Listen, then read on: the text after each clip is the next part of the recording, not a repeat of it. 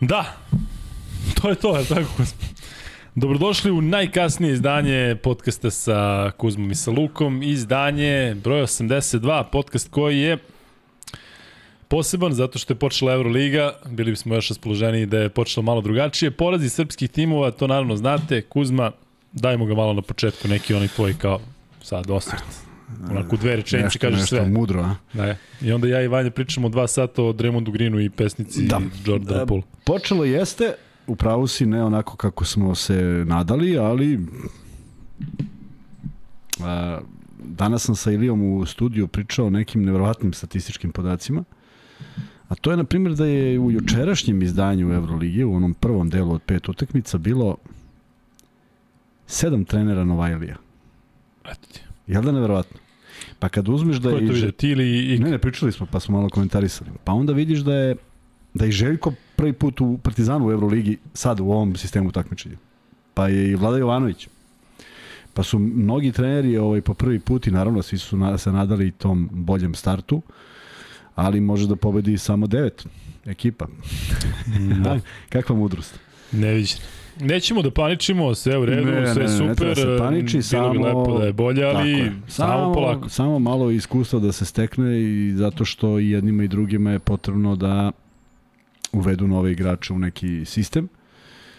E, oba trenera su dali izjave o kojima ćemo pričati kasnije. Pričat ćemo da ima. Da Zaista mislim da je moglo da bude za nijansu bolje, ali ne nešto pretrano bolje i e, koliko je delovalo u jednom trenutku da Partizan ima lakšeg protivnika za start, toliko je ispalo drugačije osjećaj, drugačiji osjećaj po završetku. Da, prvo da se izvinimo za ono juče što nema veze sa nama, prekinut nam je stream zbog e, prekida interneta i e, nismo mogli da nastavimo da radimo. Do duše mogli smo, ali je već otprilike bilo pri kraju, tako da je to, to prvi podcast ikada naš koji je prekinut. Vanja nam je pričao da se to desilo jednom ranije kada su radili šta beše, 99 yardi ili tako nešto. Da, ali u, bu, za ubuduće da znate, ako dođe do tog nekog suludog prekidanja interneta, vidio sam da ste vi u komentarima isto rekli da i vama ne radi net, e, samo ćemo preći na drugi link. Dakle, ne daj Bože. Ne možemo da obnovimo isti. Tako je, je dakle, ne možemo da se vratimo tamo gde smo radili ako nam je to prekinuto zbog interneta. Tako da, eto, to je, ovaj, to je objašnjenje za juče. Imaćemo danas tri free bete, juče smo planirali, pa vidite šta se desilo. Ali dobro, da krenemo od meča Crvena zvezda, Anadolu Efes, odnosno obrnuto Efes zvezda. Konačan rezultat 72-59, mada Kuzma ajde da idemo onako potpuno opšte, nije to možda realan odnos snaga zato što je Zvezda bila konkurentna sve do poslednje četvrtine do nekog da. 30. kog minuta, da. četvrtog, pa, petog. Ja bih rekao 30. čak ne, ne do četvrtog, petog, jer je tu već bio neki pad, ali do 30. i onih šest razlike. Zvezda je posle toga imala još jedan moment kada je Efes otišao na 9, kontranapad, e, posle već jedne postignute trojke, Ivanović promašuje, da je to došlo na 6, možda da su ozbilji malo utakmica, ali nije Zvezda bila na jednom posedu, pa čak ni na u samoj završnici, ali jeste, deluje onako posle svega viđenog da je 13 poena malo, malo previše. E, jedno dobro izdanje, naročito u prvoj četvrtini i onda nešto što, što ja uvek volim da spomenem, iako neko smatra da to je potpuno nevažno, ali ja ne volim kad neko primi koš za 2,5 sekunde, zato što taj koš može na kraju da donese tu neku prevagu. Nema razloga, imaš faul da daš i a, želim, a, najviše želim da vidim igrače koji razmišljaju. I zašto sam voleo Davidovca? Zato što je uvek bio taj. I onda, na primjer, u tom posljednjem napadu koji ne predstavlja ništa bitno za samu utakmicu, ali predstavlja prisustvo svakog igrača. Iz nekog razloga Ivanović čuva Brajanta koji izvodi loptu, Tunčara koji izvodi loptu. Niko ne zna zašto. Da je, da je stajao korak unazad, uh, Buboa ne bi mogao da prođe, na primjer. A zamisli još kad bi svesno na, na, napravio tako da ne može izvede lopte. Jer Tunčar to su te je, sitnice koje u stvari mnogo znači. Upravo to. Upravo to. Dakle, Ja razumem da je Stojko Vranković, pošto je uvek u, u, u Bostonu ulazio da... Da, i Bobi Marjanović to radi. Ali nije. I sad zamisli, a imaš faul, što znači ne može ni da te iznenadi. Što znači taj ko izvodi loptu u 2,5 sekunde teoretski ne može ni da je prim. Jer kad bi neko ih hteo da mu vrati loptu, mislim da bi napravio onaj uskok u teren i ne bi, ne bi ni bilo ničega. Prema tome malo, malo da se da se fokusiraju da razmišljaju više o tome šta se dešava na terenu, zato što će nekada taj poen da znači. Druga četvrtina konkurentna, odlična, odlazi se na odmor sa pola poena. I onda neka serija malo neiskusnih stvari, malo, evo sad ja da pričam o sudijama da su oni nešto tu prouzrokovali, ali neki glupavi faulovi u napadu, dva za zvezdu, dva, dva u štetu zvezde, jedan u štetu, na štetu Efesa, potpuno od onih milion kontakata i udaraca, to je negde e, predstavljalo vrlo ozbiljan faul. Tako da, e, desilo se u lošem momentu po zvezdu, i tehnička Laziću i Lazić izlazi i onda se izgubi neka ovaj neki odnos u ekipi tako da mislim da ima mnogo stvari kojima može da bude zadovoljan Jovanović. Ja sam naveo tri vrlo bitne za mene, vrlo bitne.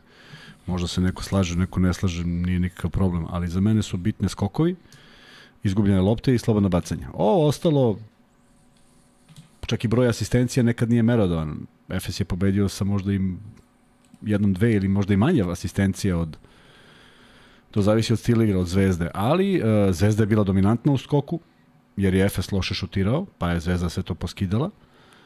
Zvezda je izvodila odlično slobodno bacanja i ono treće, treća stavka koja ti omogućava da budeš konkurentan, 15-4 u izgubljenim loptama, s tim što je od tih 15 bar 4 bilo u ruke za kontranapad. Dakle, to je 8-0. A kako te četiri izgubljene Efes, to do odbrane zvezde ili su oni stvarno igrali majestralno napad? Pa vidi, jako, ne, nisu oni što su igrali majestralno napad, nego ovo lopta uopšte ne ide u Efesu. Nije da ti sad možda gledaš nešto što se dešava pa kao negde ide loptom. Ne ide nigde. Ko primi na vrhu, taj odigra, eventualno neki pas posle probijanja. Nema tu nekih posebnih akcija i moram da, da, da kažem da mi se ne sviđa kako Efes igra, bez obzira što smatram da su fantastični igrači. Prosto mi se ne sviđa igra i opet se vraćam, to je moj lični stav. Dakle, ako je... Nisi pravo. Da, nisam Vraćamo se na epizodu koja god da je. No. Ovaj, uh, Vasa drži loptu, pa onda nije Vasa, nego je Clyburn, pa će doći Larkin, pa će on. I ti imaš jedan ozbiljan problem da bi se ja kao visoki igrač u Efesu zapitao šta ja koji moj radim ovde. Sreće, oni imaju one da ko duša. Žižić, ajde, Žižić, Dunston, Plajs. Dunston su zajedno da. dali 12 pojena. A mislim da je od tih 12 trebalo bi da su dobili šest lopti. Mislim da nisu ni dobili šest lopti, nego su dobili, na primjer, četiri, a da su dve pokupene. Da. Prema tome, ne znam zašto je to tako, jer mislim da su to igrači koji te kako mogu da reše i da donesu problem, a u ostalom, ako je već tako, ne znam što su baš, što je pao izbor na te igrače. mislim, mogli, mogli su neki loši, ako već nema nikakve igre vezano za njih. Tako da, ne dopada mi se generalno i otuda taj manji broj i asistencija i kruženja lopte. Bryant je dao prvi koš sa linije slovnih bacanja, da čovjek znači nije ni dobio neku upotrebljivu loptu. Ali to je njihov neki problem. Ono što je Zvezda uspela da uradi jeste da zatvori reket, jeste da bude uh, skakački nadmoćna. 42 skoka Efesu, a, a ja mislim 28 MZT-u. Nekako neobjašnjivo, što govori o jednom ozbiljnom angažovanju. Mislim da je Zvezda dobro igrala dok je Adams bio na dvojici, a Stefan Marković bio taj koji... E, to hoću da, kreira, da pričam. Da. Jel to misliš da je i neki zalog za budućnost, da se sad vidi da ipak njemu mesto više na dvojici. Vidi, ja bih volio da taj Adam se privikne što pre, ako je privikavanje problem. Ako je. Možda i nije. Možda su neke druge stvari. Ali desilo se par puta da je krenuo na ja mislim da, da 99% ljudi videlo tu loptu makar izbačenu ka koša, a nije, nije ni došao do koša. Jednom je izbio, izgubio loptu, a drugi put je uspio neko nekontrolisano da baci, pa, pa ne znam ni kako je išla ne može tako da reša playmaker. Mislim, prosto, ako si ti taj koji treba da reši da bude probojan, onda to mora da bude možeš da dobiješ i blokadu, nije nikakav problem, ali ne možeš baš da završnicu napraviš takvom da se pitaš da li je ovaj dodavo ili, ili, ili šutirao na koš. I Ali izvini, mislim da je to ta razlika o kojoj smo pričali, igraš prvu utakmicu zvanično protiv MZT-a koji je Jeste, možda najgori tim rekli, u ABA ligi i onda igraš protiv najboljih tima u Evropi. I to, i, to je, i, to je, I to je s početka izgledalo prilično dobro. Da. I sve je bilo dobro do dva ili tri otvorena šuta u trećoj četvrtini, kada stvarno na tom nivou, kada ostaneš sam, jednostavno moraš da pogodiš. Moraš pogodiš jednu od te tri, ne moraš baš sve tri, ali jednu od te tri, to ti daje jedan, jednu novu snagu. E, međutim, on je i pokazao nešto. Mislim da je Marković bio sasvim solidan. Mislim da je uh, Ivanović igrao prilično solidno, mada mnogo velika borba sa loptom. On nađe rešenje do koša, ali to je teška muka. E, mora jednostavnije da igra. Dešava se i nešto čudno što, što ako nekog ne mrzi da vraća može da primeti. Na primjer, desilo se par puta da Ivanović u, u borbi za život u nekom pick and rollu kreće na desnu stranu, a čovjek mu se penje dolazi mu, dolazi mu ka njemu. Dakle, i onda, i onda postavlja Klajburna odjednom koji stoji tu. Dakle, ne da ne možeš da prođeš, nego ne možeš da pomisliš da prođeš. I verovatno se svi sećaju momenta kada je Stefan Marković se zaletao prema košu sa leve napadačke strane i došao u jednu ne prilično lošu situaciju i onda bacio i bacio preko pola. Neka vrate ljudi koje ne mrzi i pogledaju da li neko stoji u ćošku. Što je jedina tačka na terenu gde ti, gde ti iz te pozicije možeš da daš loptu. Sve ostalo je lutrija. Dakle, kad smo pričali svoje vremena, ako sećaš da, da mi je Ruso govorio o igračima koji znaju i gde da stoje, e to je vrlo bitno. Znači da bi ti pobedio neku takvu utakmicu protiv takvog protivnika, to mora da funkcioniš. Mora znaš da aut, kako da staneš da blokiraš, mora znaš gde da stojiš, moraš da stojiš tamo gde lopta možda prođe, ne tamo gde ti misliš, nego gde lopta možda prođe. E, pa ti deluje da Adams ima problem sa tim. Nije bio Adams u pitanju. Ne, ali generalno, da li, ne, on, ne, da li on ima ne, tu, ne, taj problem privikavanja ili jednostavno on... Ne, nje, mene, ne, tu mene zanim, u tom segmentu nema uopšte veze s njim. Ima veze s njim što kada, kada krene na koš, to mora bude, to mora bude nešto što je prepoznatljivo. Može da naskoči da promaši, nemam nikakav problem. Može da se digne ovoliko iznad centra i da promaši, nemam ni tu problem. Ali tu se vidi inicijativa i vidi se šta on može. Pa će jednom da promaši, ali će druga dva puta da uđe. Ovo nisu bili izbačaj, ovo je bilo nešto između. E, dugo nisam video da, da neko u onom ulazu, da Klajborn izbio onako čistu loptu. Baš, baš mu izbio da. u srcu reketa, to prosto čak ni u Australiji ni moglo da prođe. Nisu tamo neki nepismeni igrači. Prema tome mora, mora da se ovdje računa o tome, ovo je Euroliga, ovo je takmičenje i sigurno mu se neće desiti sad za vikend. Ali hoće ponovo sledeće nedelje. Prema tome, mnogo tu stvari treba da se ispravi, a svako treba porođe od sebe i da pogleda neke svoje greške. Mislim da, i žao mi je što je tako, da je najslabija karika, nažalost, bio Petrušev, ne zbog toga što je izgubio lopte i to se dešava i mladi igrač ima prava na to. Prvo, dva puta je primio loptu za zakucanje, svi do brzi, nisi video, radio si nešto. Da, vidio sam na početku, zato što sam pa, spreman za brzo. To je, to je tako brzo reagovao da prosto ja mislim da su ovi bili za bezeknuti da on krenuo na zakucanje. Čak nije bio nešto blizu, pa to znači da tu lakoću, što smo uvek znali, on ima i nije nikakav problem. Međutim, energija. A, ne smeta mi ni što izgubi loptu. Ne smeta mi ni što ga pogodi u nogu ili nešto stvarno sve to dolazi u... Ali imaš jedan moment gde je Zvezda izgubila loptu i kreće neka polu kontra. On se u odbranu vraća verovatno najsporiji od svih. Videći, videvši negde svog čoveka koji je možda iza njega. Ali to nije razlog da ti ne odeš u reket i da pomogneš. I Clyburn polaže, on kasni da lupi bananu, samo zato što uopšte nije razmišljao da to uradi. A ja mislim da je to, ako se boriš za mesto u timu, pa prva stvar koju mora da uradiš. A ti deluje da on 100% fizički spreman? Znaš da je bilo problema tokom uh, leta? To ne, to sad zaista ne znam. Ako nije, onda ne, ne, je ti deluje više da je do energije ili mislim da, da je do energije. Mislim da je do energije. Mislim da. da je, mislim da je do energije, jer ti kad izgubiš loptu ili kogod izgubi loptu i ti hoćeš da, da pomožeš svom saigraču, ti se stuštiš tamo, pa kad ovaj skoči, pa polomiš i njega i sve i udariš glavom u tablu, nikakav problem, ali ti pokažeš neku želju ovde mi ne, ne odgovara mi ceo ambijent tome kako on nastupa. Mislim. Da, bila je ona izjava koja se nekako uklapa u sve to da, da nešto nije možda kažem stvar, moja prva utakmica je bila protiv Primo, Primorja iz, iz, iz bara. Ja mislim da sam bio mnogo onako u luđoj energiji nego on, što ne može da bude, ne može se porediti. Prema tome, um, ne valja zbog njega, a sad ću ti reći još zbog čega ne valja. Zato što ćeš imati u jednom momentu će se desiti situacija da će četiri igrača, ako se vidio Markovića 14 stotinki tamo do kraja, on, on skače na glavu, ne bi li izvadio poslednju loptu koja je potpuno nevažna. I imaćeš takva četiri. Ako peti ne bude skakao, izopštiće ga, izopštiće ga njegovi. Neće morati Luka i Kuzma neki komentator da ukažu na to, nego prosto će ljudi reći, čekaj bre čoveče, ti si u trećoj brzini, a mi u 17. Ajde malo približi se. E, to su, to su stvari koje mogu da budu problem. Jel ti podsjeća možda malo, pričali smo i IT, ali je govorio ovde Jović, jel ti podsjeća malo uh, tom nekom nezainteresovanošću na Borišu Simanić? Podsjeća. Podsjeća i Boriša je glavom bio u NBA. I ako je i Petrušev u NBA, onda je to problem. Zato što prvo ne shvataju da, da, je tamo, da, da je ovo se gleda tamo. Drugo, potrebnije ti je mnogo više tamo nego ovde. Koliko god sa to glupo izgledalo. Znači, tek tamo je energija, ti, tek tamo te neki saigrač neće ovaj, konstatovati baš. Ajde da vratimo negde, zamisli da se on sretne sa svojim saigračem tipa Kobe Bryant i on se sretne sa nekoj drugoj utakmici i neko njega raznese. Hoće da vrati? Da. Pa možda i neće, ali onda to nije to. Onda to nije to. A ja mislim da on ima sve preduslove da bude to, ali mora prelomi u glavi. A šta je rešenje? Da li možda sada da se gruva da igra po 25-30 minuta ne u ABA ligi? pa ne, ne, u ABA ligi on mora, ali sa drugačijim pristupom.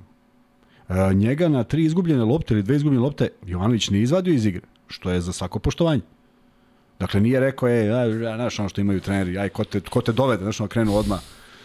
Nije bio u tom fazonu. Naprotiv, sačekao je da se sm- smiri situacija, pa ga izveo u nekom momentu. Ali nije to bilo nikakvo kažnjavanje. Ali ti moraš da reaguješ. Da li može da reaguje? Nemam pojma. To ne zna niko. To da neko zna, da li neko može da reaguje, uj, eto, Simanića pet godina čekaše da odreaguje. I juče, Mora, mora juče, komentar jedan, izvini, Nenad Janković kaže Petrušev igra kao kad ti u 5 ujutru zvoni alarm da ustaneš za posao, a gledao si podcast do 3.45. Pa evo, znači, Nenad Janković primećuje to kao neko ko, ko voli košarku i vidiš da nešto odudara, je tako? To je bre trk koji treba bude koga zela, pošto on ima taj trk. I Klajburn pomisli da je na koš, a ti skočiš i sam od sebe udariš glavom u tablu, padneš i svi ti kažu bravo majstore, mislio si da će nešto da se desi, a ne da zakasniš da, da lupiš bananu. I ovaj, a paradoks, ovo što si rekao za Simanića, juče ili prekjuče mi se pojavilo na listanju telefona, pojavljuje mi se, dakle, znaš kad izgubiš iz sećanja i kad te vrati onako u trenutku, Boriša Simonić lupa bananu, hvata loptu, baca Filipu Čoviću, otrčava kontrol, mu baca, ali upi on Da, zakucao. Da, Pa čekaj čoveče, zar ima nešto što sad treba da bude dalje od toga da ti ne kažeš, ljudi, ovo sam ja i sad ću ja da ovo radim svaki dan.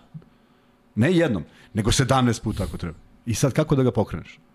Šta sad? Treba dođe neko iz uprave i da mu pokloni tortu. Šta treba da radi? Bravo. Šta da mu kažu? To mora da postoji u čoveku.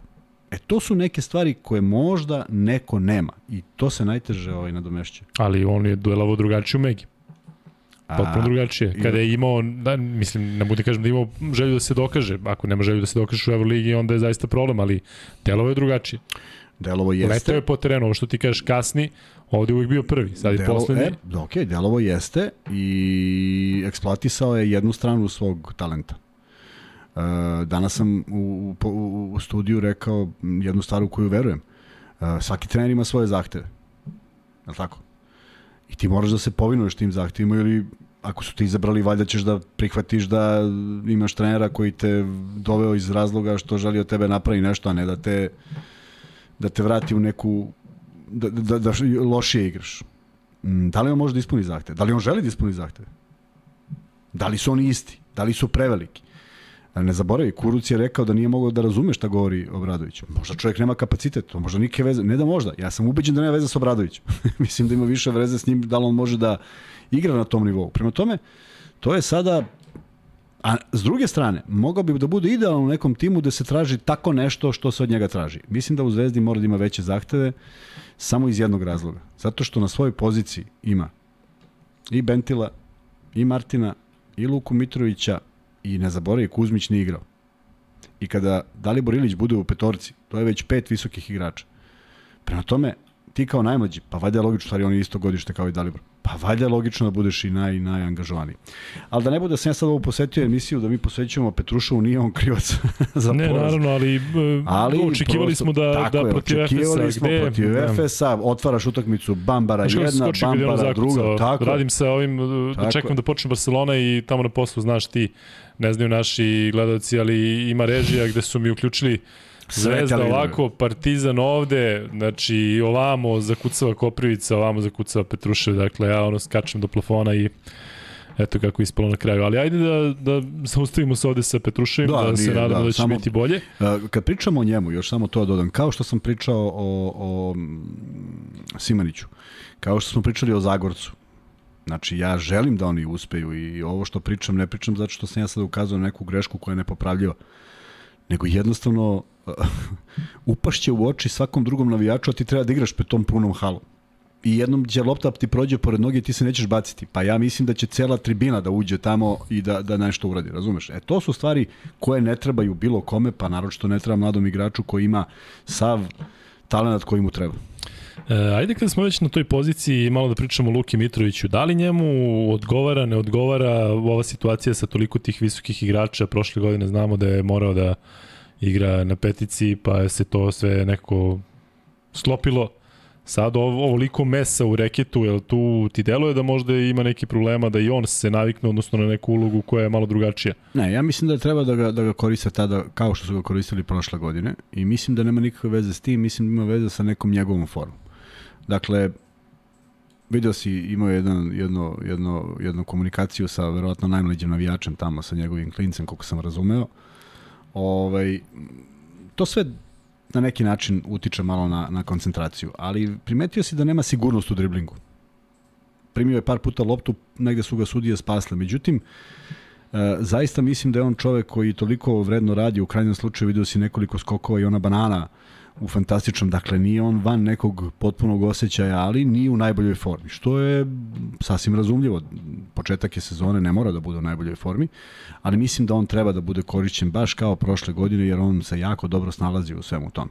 I njegove utakmice sa 6 ili sa 16 pojena su bile podjednako dobre, ali uh, slažem se da sad dolazi do neke promene i rotacije i pitanja na kojoj on poziciji igra, mada mi još nije jasno da li je Bentil dole ili gore. To je onako jedna misterija. Odlično je pogađao danas, čak i sa polu distance je pogađao. Ali ovaj, mislim da može da uradi mnogo toga i u reketu, što je on dobro koristio. Polonara ga je čuvao par, par navrata, pa je on to dobro rešio. Međutim, ne brinem za, za, za zvezdni reket, što se tiče zatvaranja, što se tiče mesa, što se tiče svega. O, malo jača odbrana u 1 na 1, da se ne dešavaju neki propusti, pa da centri moraju da krpe. I mislim da je to sasvim ok utakmica bila što se tiče nekog prvog izdanja i činjenice da igraš protiv evropskog prvaka, koji možda nije briljirao, ali nije ni mogao da se razigra u nekim segmentima, jer ipak je Zvezda dosta dobrih stvari uradila. Prema tome, sasvim zadovoljavajuće, moglo je za nijansu bolji rezultat realno, da nisu bili oni faulovi koji su svirani i tehnička greška, eto tih 2-3 poena, ne više od Pitaju što si iznervirao za tehničku Laziću? Što sam se ja iznervirao? Da. A, iznervirao sam se zato što su gledali snimak. Evo sad ja pozivam sve te, mene izluđuje pravilo, ja uopšte nisam iznervirao što je Vladić dobio tehničko, nego, ili što je izašao iz igre, nego što je, mene ubija to i verovatno će sve više biti komentara mojih na taj, na taj, vidi, sviranje faul koji je de facto Vladić teo da napravi i pokazuje prstom, pokazuje da, rukom da, pre nego što je pravio.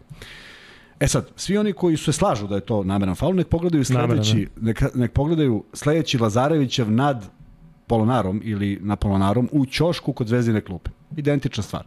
Koja je razlika? Što je na polovini terena, što nije bila kontra. Hoćemo svako pravilo tako da Da, jesi video scenu kada Adam strči u kontru, Buboa krene napravi faul pa povuče ruku? Pa čemu to služi? Zašto je to dobro za košarku? Ja, ako je nešto dobro, ja sam za. Uopšte nemam problema. A što je to dobro? Što da on do kraja? Ili da danas to napravi faul? Pa Buboa kaže, oh, ok, nisam ja, igram 3 minuta duže. Ne razumem pravilo, i to sam rekao ili je danas, voleo bih anketu među 18 trenera. Dakle, da je neko porazgovarao s tim trenerom, možda i jesu, a mi ne znamo. Da je neko porazgovarao, rekao, šta im mislite, ovo dobro? Pre nego što su doneli pravilo pošto ja ne znam ko je doneo pravilo. A jel govoriš samo o tom pravilu ili govoriš u kombinaciji sa tim video čekom? Sve, sve to? Sa svim, jer to donosi nenormalno kočenje u igri. A gledaju nešto što ne mora da se gleda. Manja, samo stavi, molim te, pol.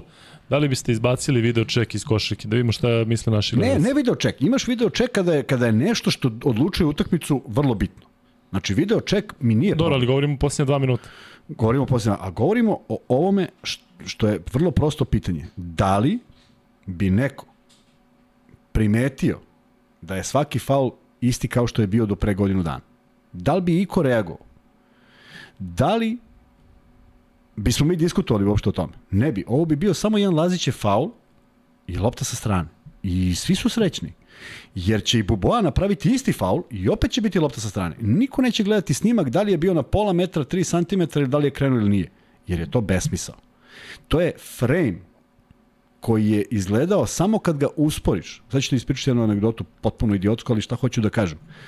Muta Nikolić. Gledali smo snimke i to smo gledali i snimke protivnika vrlo konkretno. Ne ono sad pustimo i sedimo sat i po i gledamo cel. Ne. Zaustavljali sad sve onim trekkingom pa se mrda slika, ali imali smo poentu šta hoćemo da radimo. I u jednom momentu ide frame po frame. Znači to nije ni sekunda, nego je desetinka sekunde. I ti znaš koje je bilo uvreženo pravilo, da kod naših old school trenera mora gledaš loptu i mora vidiš igrača. I to u svakom momentu, jer ako on ode desno, ti se pozicioniraš da ga vidiš. Naravno, teoretski nije bilo moguće, ali trudili smo se.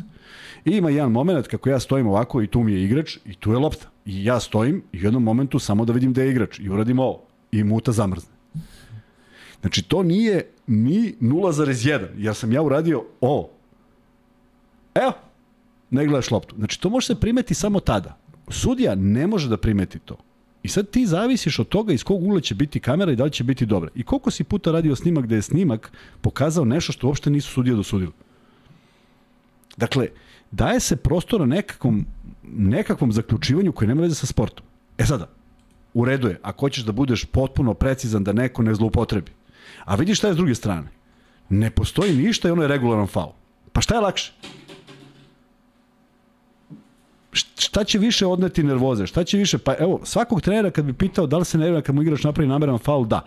Da ga pitaš da li treba da postoji nesportski faul, ja verujem da bi 18-0 bio odgovor. Ja sam duboko ubeđen. Dobro, jel, jel misliš da bi mogo ti da se pomiriš sa tim da, zato što vidim da te to konstantno nervira? Neću se nikad pomiriti. Kakav odgovor, a? Da. Pa ne mogu zato što ubija draž igre. Da, ali da prihvatiš kao što ima i drugih stvari, Vidi, ne može više ono znam, da skakanje, lobotomi, ono... Lobotomiraju me i ja pogledam nogu, da. košarku danas i kažem ovo je prvi put da gledam košarku i ne bi imao nikakav problem. Prihvatio bi to zdravo za gotovo i rekao ok, ovo je pravilo. Možda bi se mesec dana kasnije pitao čemu služi ovo pravilo.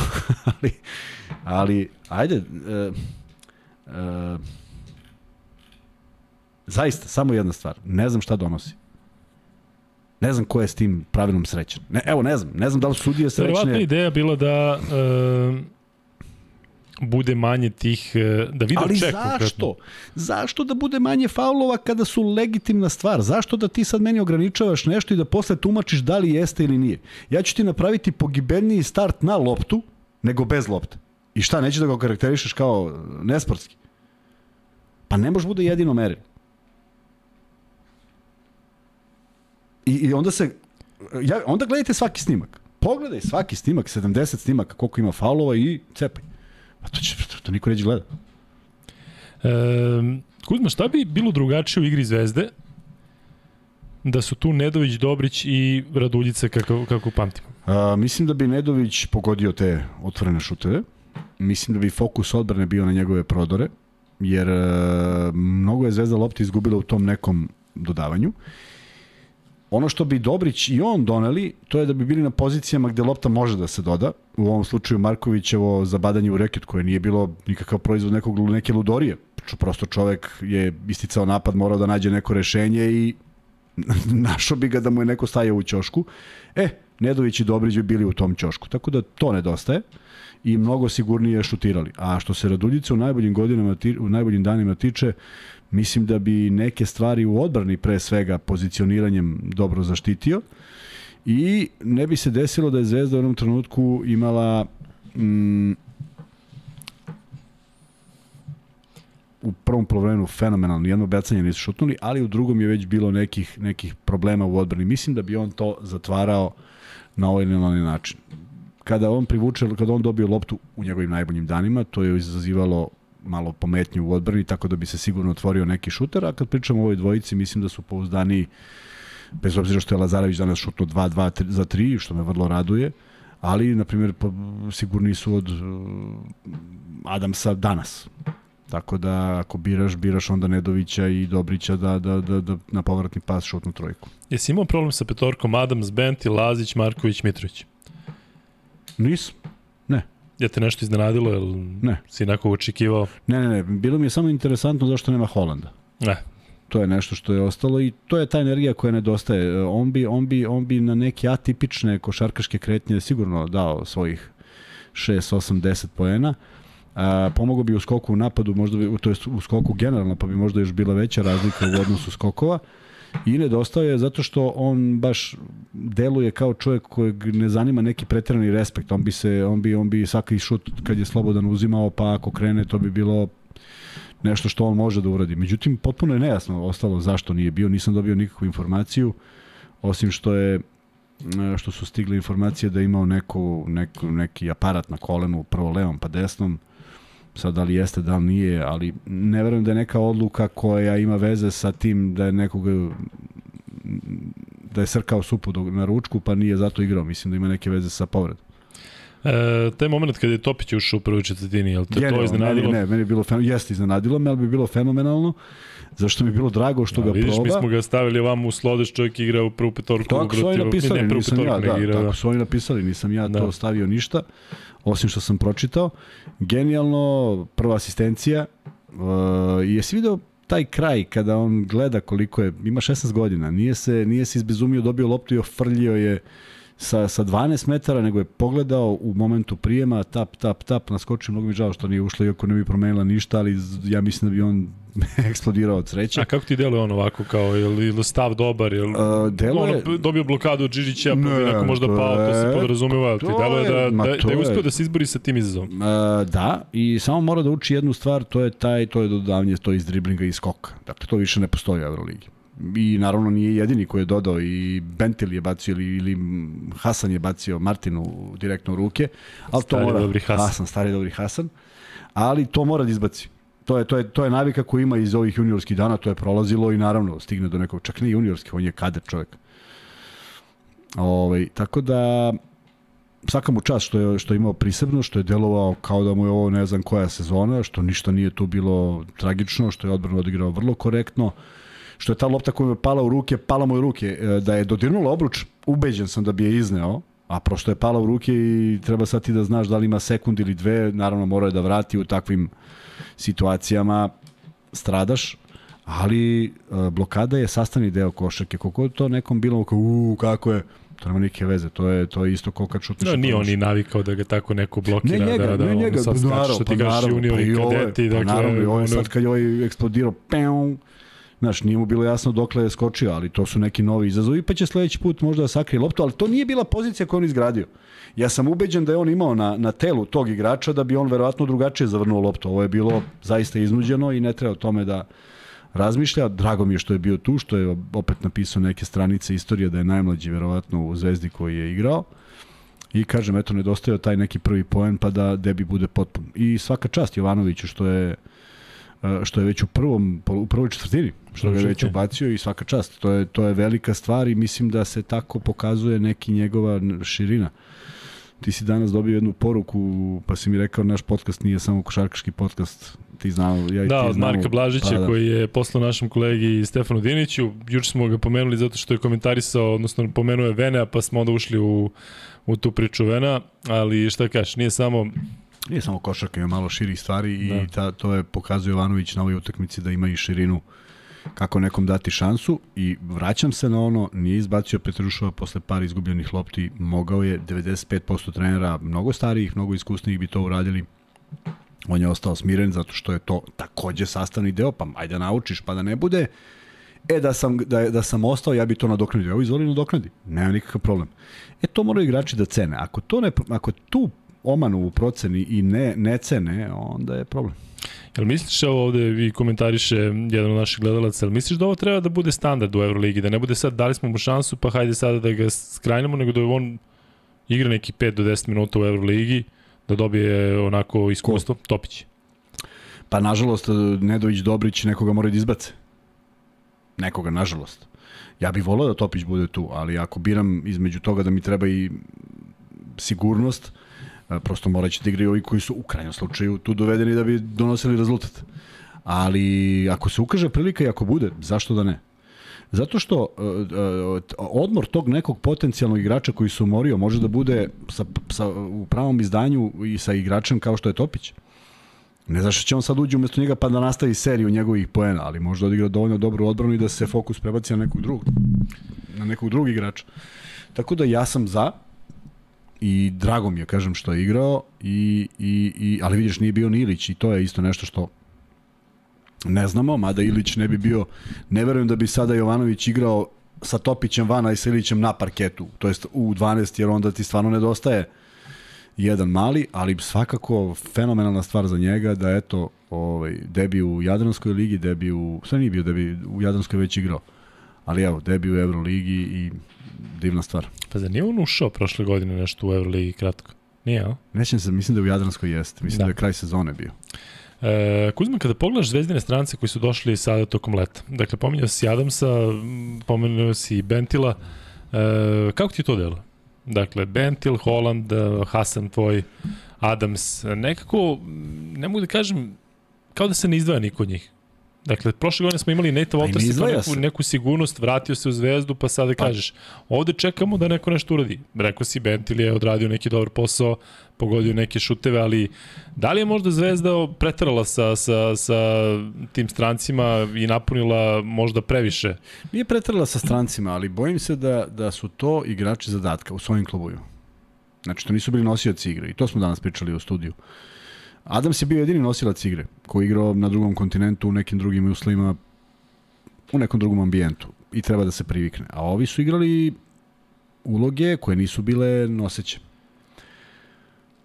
Sad ako neko pomisli da je to tako lako, ti ga sad dovedeš i kažeš, pa i da setimo, na primjer, kad je Skorcanitis došao i kada je od večitog backup centra počeo da igra prvog, pa prvo nije izdržavao 7 minuta na parketu, a drugo nije ličio ni na šta. Dakle, ne možeš svakom da daš neku ulogu tek tako.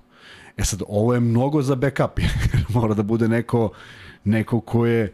Tu nedostaje Nedović, tu nedostaje o, Dobrić koji će sigurno preuzeti tu ulogu. Dakle, ja, ja gledam Dobrića i prošle godine i mnogo je on od, drugačiji nego godinu dana pre toga. Uh, onaj, onaj povratak Dejana Radonjića je do njemu dao sigurnost pa je počeo da igra neku svoju igru. Uh, Tako da od njih očekujem da preuzmu, a onda ovi da rade ovo sve. Ali kad dođe utakmica, e, onda mora neko da iskoči. A danas je iskočio samo Bentil i to vrlo čudno deluje da toliki čovek gro poena daje šutem sa distance. To mene izluđuje. Da, onako, onako do, jak, vidi do, se da je kao da izaš iz teretana okay, malo pre. Daj dve trojke nije sporno, daj 10 poena iz, iz da nešto, mora postoji neka akcija, nemoj sada da on bude kao najsnažniji van reketa, unutra Ivanović se rnga s nekim ispod koša, nema smisla. Tako da bi volao da ga vidim i u reketu, on je imao par napada na polonaru, rešio ili faul ili ovo ili ono, nije to on loše rešavao, još više. Još više da kad ne znamo šta da šta će se desi na terenu, kad Zvezda nema ideju gde, evo ga Bentil dole, opa, s kim? S kim god. Jer on je stvarno, može da se gura sa bilo kim. Jel te čuva Žižić? Pa okej, okay, onda njega izvuci. Ali ako te čuva niži, pa onda njega ubaci. To je vrlo prosto u suštini. Da. Samo, samo rešiti to na najbolji mogući način. Martin se dobro snalazi. Onaj, onaj faul plajsa nad njim kad on nešto se iskrivi, pa onda ono ispod koša gde najmanje očekuješ, a pošto je levak pa nekontrolisan, svi gledamo jednu stranu, on ode na drugu. Dobro se snalazio, mada na, kada, kada pričamo o, o, o, o bilo kakvom šutu s distance ne postoji. Niko od njih nije uzeo šut sa distance. I mislim da je jedino Martin dobio loptu, Hasan, Jedino on dobio loptu baš od Bentila kad je ono brzo izbacio i dao koš, to je bilo sa 2-3 metra. Dakle, niko nije sa, vis, sa visine penala šutno. Što nedostaje? Mora neko. Mora zato što ne zato što će biti to neka 100% preciznost, nego prosto mora neko da izađe na tebe, ovako će biti stalno gužba u reketu. Znaš šta sam mislio, evo, konkretno? Ajde. Pričali smo prošli put e, o tome kako Billy Baron e, jednostavno nije dostupan Zvezdi zato što mnogo košta. Da li je možda bilo bolje, sada govorimo iz neke potpuno druge perspektive, ali da možda ta dva igrača žrtvuješ za jednog. Ne govorim sada po pozicijama ili sve, da dovedeš jednog igrača za koga znaš da je možda jedan od najboljih šutera u Evropi, nego tako da tražiš te igrače sa, ne možemo da kažemo epizodnim ulogama, ali sam si rekao, dakle oni su igrači koji su igrali neke uloge sporedne u svojim timovima i sada nije realno da dođu ovde da igraju glavnu ulogu. Pa, sad to zavisi sve od neke strategije. Ja verujem da ona postoji, prosto želim da verujem da postoji u, u svakom klubu. Uh, I ako bi se ja dogovorio sa Nedovićem, ja bi mu tražio dva backupa. Ali ako ne bi imao Nedovića, onda bi tražio jednog za kojeg ću da nađem backupove. I naću backupove u Petruševu, u Iliću, kome god treba, da im objasnim da je to njihov zadatak, tako da jako je lako kad imaš neku, neku ideju ko je tu noseća. A noseći mi deluje mi da fale. I to dva noseća spoljna igrača. E, meni se dopalo i mislim da će Marković igrati ozbiljnu ulogu ovaj, kad, bude bio, kad bude bilo ta, ta konstelacija na terenu kad budu bili ovi ljudi koji stvarno prave razliku kada su šutevi u pitanju zato što još uvijek mi deluje da se da se Ivanović nije nije naviko. On je dao onu jednu lepu trojku kada mu je baš Marković kad je procenio da ima dovoljno vremena pa napravio fintu, pa zabao, pa dodao, pa ovaj dao. A sve ostalo je bila jedna jedna borba u pick and rollu koji je trajao beskonačno. Od 24 sekunde jedno 22 i po je trajao, pa onda nađe neko rešenje. On mora da igra jednostavnije. Kako god to izgledalo. Da izađe iz neke dubine, da izađe na neki 45 stepeni. Samo ne da igra ono, jer gabaritni su svi igrači koji ga čuvaju, stavljaju više igrača na njega, što je veliki problem, ne brže, više i onda mu je teško da, su, da šutne, a teško je da se nasloni na njih. Znaš, kada on prebaci ponovo istu ruku pa nasloni igrača na leđa, pa to je igrač od 2-2, ne dobijaš ništa time, nije, nije dobra pozicija za šut. Tako da, mora nađe rešenje, jer ja mislim da on ima dovoljno talenta da to rešenje nađe. I nije on igrao uopšte loše danas, ali taj jedan šut koji je on obično daje, možda, ako je već bio ako ga već uzeo, morao je da ga da, da bi se vratili na šest razlike, na, ta, na tu neku razliku koja još daje neku šansu, ali generalno za prvu utakmicu, s obzirom da nisu u punom sastavu, s obzirom da su tu neki igrači po prvi put, Ti si zadovoljan. Ne mogu da. kažem zadovoljan ne, ne, nikad ja, da, razlike, ja nisam ali, zadovoljan kad se izgubi. U zato što, nije, da. nisi nešto razočaran niti bilo šta jednostavno. To je možda, ja mislim, najrealniji odnos snaga trenutno. Da, Zvezda da, je, kao što si rekao, nisam, tako pokazala nisam dobre jest. stvari. I, I uvek, uvek zagovaram istu stvar. Neka Zvezda pobeđuje sve one protivnike oko sebe i ne mora ni jednom da pobedi Efes. Zato što pobeda nad Efesom i dva poraza od uh, Žalgirisa i od uh, Albe ne znači ništa pobeda nad Fenesom. O, o, na Fenesom. Fenes. Nad, nad Fenesom, nad Efesom, osim što ti lepo stoji ono negde piše šej. Znaš one godine kad smo pobedili Efes, a u stvari sav fokus treba da bude na konkurentima. Ja mislim da Zvezda i Efes nisu konkurenti za neku poziciju na tabeli, ali Panathinaikos bi mogao da bude i ova utakmica sad mora da bude u potpuno drugačijem marniru i da Zvezda pokaže taj stav kojim, s kojim je izlazila godinama na teren, taj neki stav, ma ne može da nas pobedite ovde i da igraju tako. E, možemo sada da pređemo na budućnost, zato što ćemo da samo malo i pomenemo posle Panathinaikos. E, da li je budućnost, da kažem, preveliki zalogaj posle jednog ovakvog poraza dolaziti Panathinaikos Da li bi možda bilo bolje za Zvezdu da ima nekog slabijeg protivnika o, da, sada? Naravno, naravno. Ja mislim Zato da što da čak... imaš poraz od Efesa, pa te čeka Panathinaikos, sam kažeš mnogo važna utakmica, da, da, to da, treba da, da, da se dobije. Da. I sad imaš budućnost, ne možeš da... Takav da... je raspored kakav jeste. Budućnost ide, pa ide Panathinaikos, pa ako se ne razumije Cedevita. Ako se ne da, nekog da, da. da. to je strahovit raspored, da ti moraš da imaš fokus u, i na te utakmice. To je ono što je tužno, što je ovde borba uvek na dva fronta. Kad si bio igrač, jel tako kada vidiš raspored na početku, jel se uvek poraduješ kada su slabiji timovi na početku ili ajde da gruvamo protiv najboljih? Jel ima uopšte bi bio neki odnos prema tome? Ne. E, nije bio, s tim što ja volim da se vratim u tu sezonu kada smo se okupili u Podgorici, 99-2000.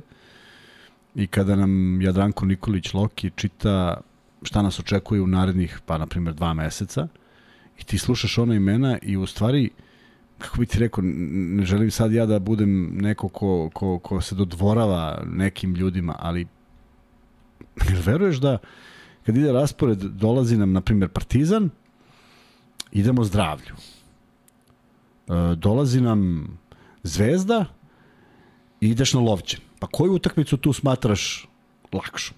A između su Paf, Ortez, Efes.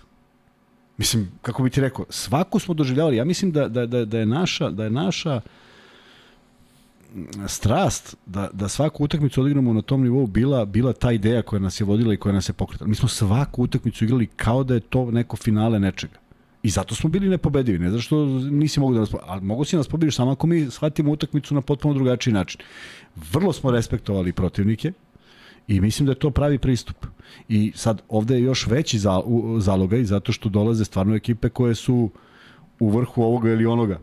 I mnogo su češće utakmice, jer Zvezdi već za dve nedelje sledi dupla Tako da nema kalkulacije, ali prosto moraš da izađeš i sa jednim stavom i da, da, da, da, da pokušaš da pobediš. Koliko ti je drugačija zvezda? na domaćem terenu, tako? Šta? Budućnost u Beogradu, da, da. da.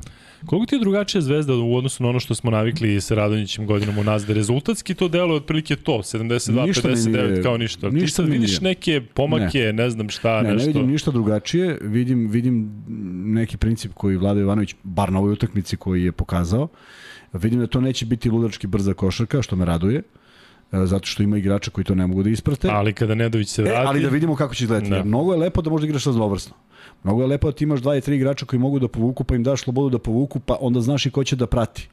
Ali... E, posle ćemo preći na Partizan, pa ću da ispričam nešto sa te utakmice, ali e, generalno tek treba da vidimo šta je to što je novo Vlada Jovanović postavio. U ovim utakmicama one su bile probne. MZT smo konstatovali da je to bila utakmica koja nije reper, ali faktički vidjet ćemo tek kada se ekipi priključe Dobrić i, i, i, i Nedović Dimo šta je to što na čemu u stvari bazira, bazira svoju igru. Ovo što je danas uradio što se odbrane tiče bilo sasvim korektno. Napadački je škripalo, naročito u, treći, na, drugom polovremenu, ali odbrambeno je bilo sve kako treba. Ko je lider ovog tima koji je danas? Nema, danas nema. Marković to neko neko Ne, ja sam mislio da... da će biti Adams, tako je otvorio utakmicu. Marković je bio tu da pomogne, pa jedna asisten, o, jedno jedno dodavanje, pa ovaj pik, pa jedan Košić, pa malo Košić, pa malo ulaz, pa sve nešto i pomisliš, ok, to je to. Idemo sad svi gledamo u njega i fokusiramo se na to i radimo sve što treba. Međutim to je kratko trajalo. I da je on otvorio poluvreme sa dva otvorena šuta da je dao. U, on bi, on bi ja mislim da bi on došao do 30 poena.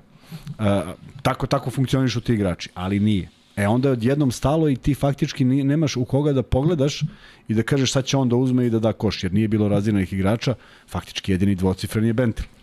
Vidim da je ovde neko komentarisao i za kraj, reci mi, da li vidiš to nesuđeno pojačanje, odnosno povratak Jovića u zvezdu, da li ti neko delo da bi se uklopio u ovakav tim? Jel vidiš njegovo mesto tu? Ne, mislim ne. da je to već prevelik broj. Ne zato što mislim da. da je loš, nego zato što, samo zato što ih već ima mnogo. Da. Koga onda to ugušiti? Jasno.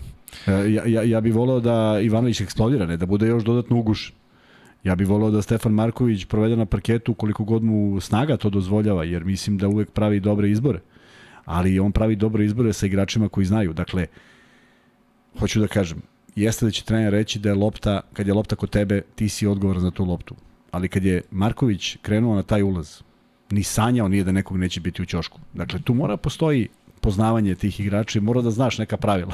Prosto, ne, kada on krene se odade, ne ideš na gore. Ne. Nego ideš baš tu gde jedino može da doda loptu.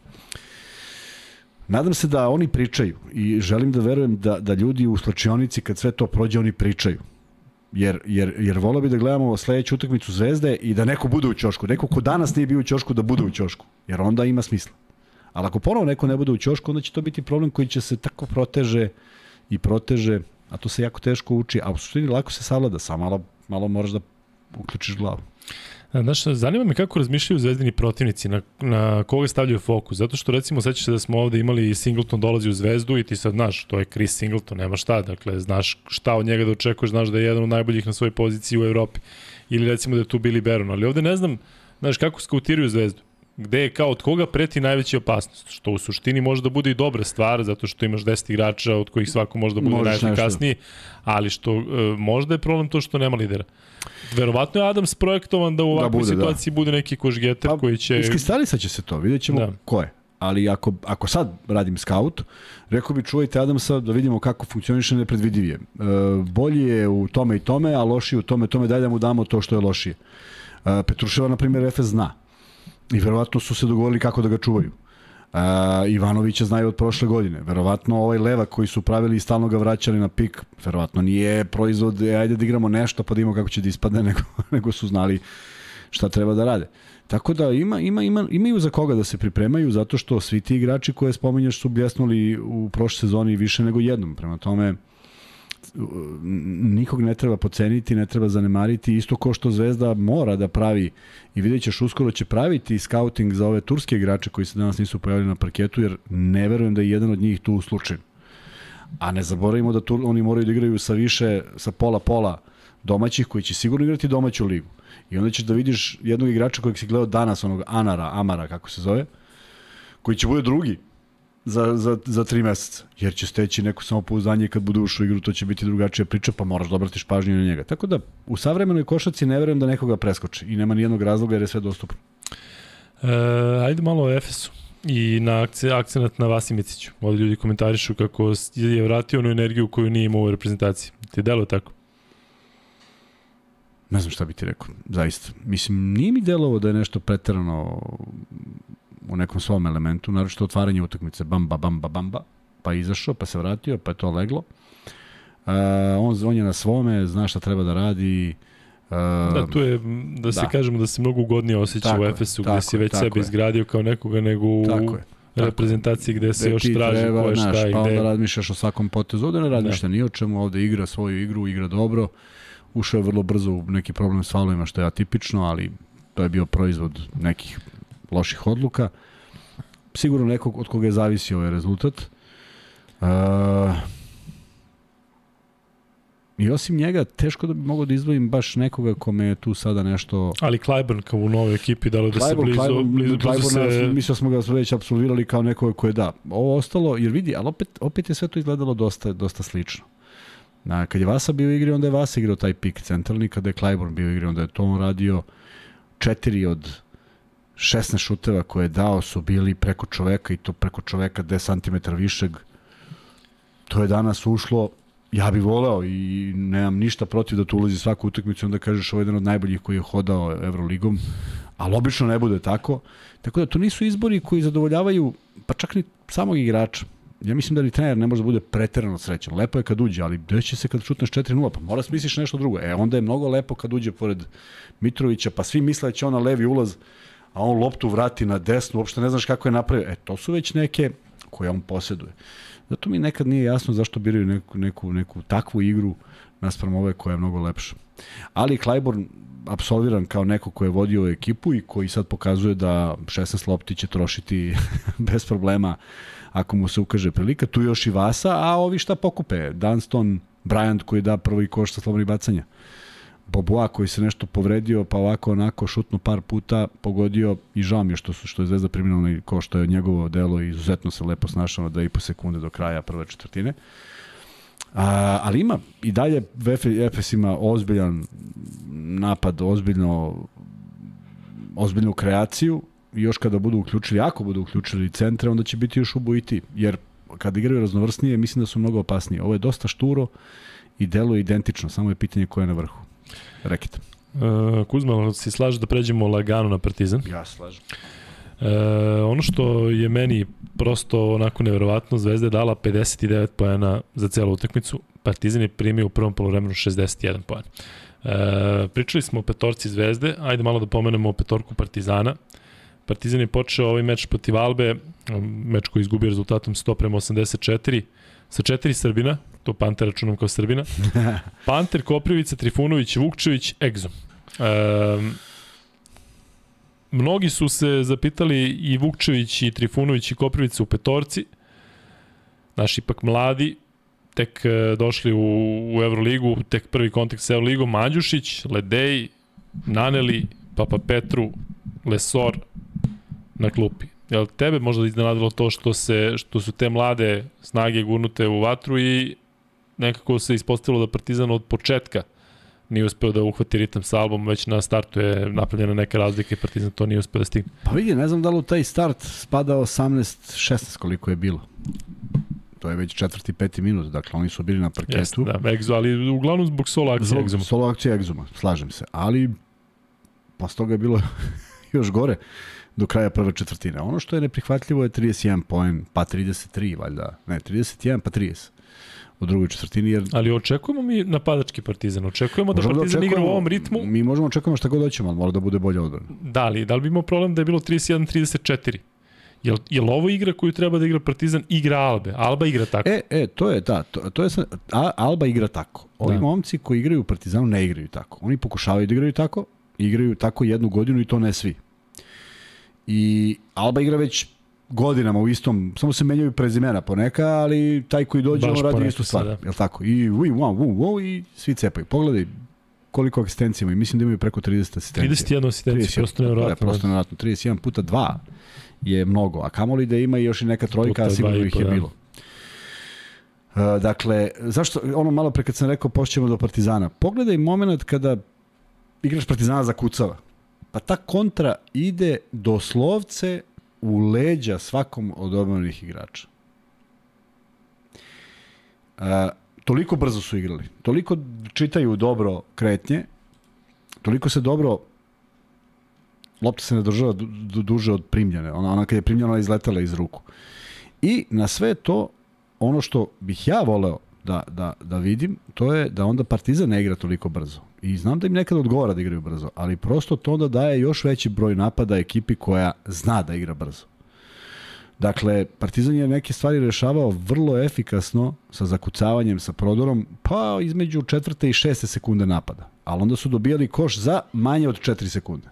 Onda su oni opet dali, onda su opet došli napad pa promašili, a onda su ovi dali i tako se, tako se stvarala prednost. Zato što negde moraš da staneš, negde mora da, da lopta stane i mislim da Panter zna da stane i mislim da Ledej zna da stane i mislim da Andjušić prima, prija kad primi neku poziciju iz, loptu iz pozicionog napada na otvoren šut, tako da ne mora nužno da Partizan igra u istom ritmu, jer igra protiv ekipe koji to očigledno odgovara. I sve poraze koje Alba ima ili je loš procenat šuta ili je neko toliko umrtvio igru da nisu mogli više da se, da se sastave. Nema treće. Kogod je ušao u Jurnjevu s njima, oni u svom danu mislim da nije, nisu imali problema. I što je najgore, ni Partizan sad nije pobedio Albu, a Zvezda već nije šest ili osam sezona. Ta Alba e, ih neverovatno drutku da, isključe iz Evo Lige da slavimo, da, da, da, kažem. Da.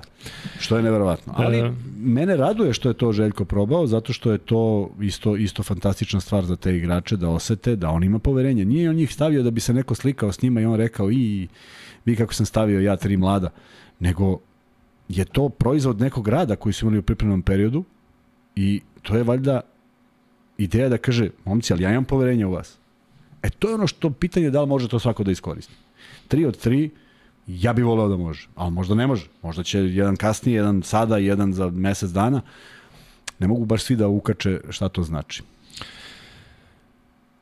Ja i dalje moram priznati da imam problem sa Lesorom, neki dva se sigurno neće složiti. Ono što u celoj ovoj situaciji porazu Partizana meni deluje kao plus to je da je Ledej onako dao 13 pojena, da je bio e, bolji što se tiče neke energije o kojoj Kuzmi priča nego recimo na nekim pripremnim utakmicama. Papa Petru me moram priznati razočarao zato što sam očekivao više i očekujem i dalje više. On je dao jedan poen, do duše nije puno igrao, igrao neki desetak minuta. Međutim, ne znamo šta se dešava sa Madarom. Kuzma, dakle, Madar je ušao, odigrao minut, izašao, da li Partizan sebi možda dozvoli luksus da Madara ne koristi u situaciji kada nemaš Avramovića, a pritom ti i kada si kompletan, očigledno fali možda još jedna opcija na, na player. Uh, ne znam. Ne znam zato što sam video Exuma u toj nekoj poziciji gde ga mi nismo videli, što ne znači da mi nešto znamo, možda i ne znamo ništa. Nije on loše snalazio, ali to je, to je kratkog daha od 16 partizanovih pojena 11 je dao Exum. To znači da niko drugi nije ni pogledao koš. Ali mi se sviđa generalno dobra stvar zato što on stvarno je očigledno pun samopouzdanja. Dakle, on napada koš, a vidim recimo kod nekih igrača, poput Papa Petrova, poput Madara i prošle sezone i ove, da nemaju taj instinkt, on kao, ma idem, napadam, ajde da probam da, da, da, da, znaš, da, se, da se dokaže. Znam, da se ali, znam, ali Papa Petru je imao problem i u Panatenikosu, da su se igrali prilično slično kao Exo, bili su u punom naboju, a on je tu trčao napred nazad pa kad dobije neku loptu da, a jedan od najkonstantnijih igrača je bio i povezivao sve to. Tako da, mora i on da se uklupi, mora se nađe pravo mesto za svakoga. E, veliki je problem kada nemaš, kada nemaš igrača koji može da razigra. Da li je Madar povređen, pa su ga vratili na klupu ili nečem nisu bili zadovoljni, zaista ne znam. E, iz prostog razloga što sam na premotavanju pogledao, stigao da pogledam prvo polovreme, koje mislim da je mnogo bitnije nego što se dešavalo u nastavku utakmice, jer nastavku utakmice egal, ali ono što sam video to je baš te stvari, da su igrači Albe trčali u leđe igračima Partizana. Ono što je Partizan radio u Zvezdi u finalu ABA ligi. Kako Zvezda da koš, oni trče brže od njih. Čak su u nekom momentu i ispred, a primili koš. Neverovatno. E, tu su ih, tu su ih slomili, a Partizan igrao mnogo brzo. I mnogo je tu bilo šuteva koji nisu imali nešto što, što, što, što može da donese rezultat zato što prosto nisu naviknuti i ja, ja ne znam kako izgleda Partizanov trening, ali ako izgleda kao Albin, onda će vremenom i oni postati nešto slično, ali do tada će morati da trpe neke udarce koji nisu prijatni. Smeta mi 100 poena, zato što ne znam koje su ekipe ikada, pa čak i kod Željka, naravno što primale 100 poena. Da, ne znam, uh, mislim da Željko Bradović u svojoj igračkoj i košarkaškoj karijeri ima sigurno na stotine mečeva gde je primio manje od 60 poena ukupno na utakmici. Tako je. A ovde primi 61 ukupno, poen. Ukupno dali 100 poena. Da, Obe da, ekipe. Da, to, to. Ali um, video si danas, ajde samo kratko, pošto ljudi ovde pominju da kao Jagodić Kuriđa možda jeste u Partizanu, ti to deluje kao ne, novinarska patka. Ne, to toliko ne deluje realno da, da nemam reči, pa ne bi komentarisao. Ako se desi, onda ćemo komentarišati. Da ali sve više toga. Više ne znaš u šta da veruješ. Mi smo imali toliko sigurno, sećaš se Singleton u Zvezdi, Jović toliko puta u Zvezdi, Nikolić u Zvezdi, Ma bilo je sve, bez znaka da, pitanja. Ma, ja, ma pisali su znači, znaš, znači kao već potpisano, tu su, treniraju i kao evo sad samo ali, treba da se okay, pregled. Evo okej, okay. zamišljamo ga danas na utakmici. protiv Albe. Doće i taj revanš. Šta? Šta kad Partizan igra brže od, od, od mogućeg? Šta radi Kuriđa? Treba da umre čovjek. Pa nije taj tip igrača. Zato, zato mi ne pije vodu da on dolazi. Ne zato što ja sumnjam u njegove kvalitete, ja koji pričam stalno o njemu koliko je bitan za ekipu. Da, ali, nego delo da se neće uklopiti. Ali za ekipu koja igra na određeni način. Ne može da igra nešto što ne igra, što nikad nije igrao. Tako da, ne znam, zaista ne znam, ne mislim to da je u bilo kom segmentu nešto loše, njegov dolazak u Partizan, osim što ne vidim šta bi on radio tamo. I dalje su problematične te pozicije 1 i 5, ono što takođe definitivno bode oči, dakle to je da su Vukčević, Trifunović i Koprivić se igrali u prvoj četvrtini i nisu ulazili do kraja. Trifunović, ja mislim da jeste, ali ukupno ima 7 minuta, Koprivić sa 4 minuta, Vukčević 5 minuta. Da li je to neki eksperiment koji nije prošao? E, to sad ne znam. Ili se nešto menjalo u hodu? to stvarno ne znam. Ja čak mislim da te minute koje su igrali to i to nije toliko loše izgledalo, zato što nije loše izgledalo rezultatski. Da li je to u taktičko nekom smislu izgledalo bez veze? Pa ne verujem da su oni baš dozvolili da se razigraju ovi igrači, da se razumemo, pošto Alba baš ne brenuje da li su u jednoj četvrtini šutnuli ovoliko i onoliko, oni igraju svoj ritam.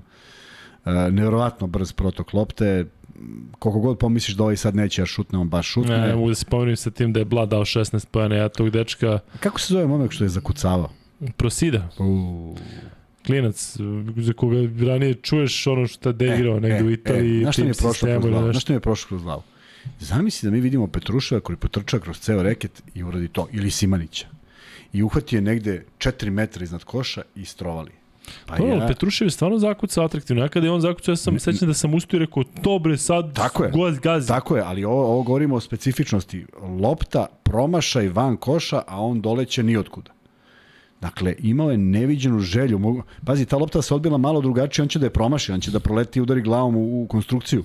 Ali on je krenuo na koš. O toj energiji govori. Da imaš želju da skineš tu loptu.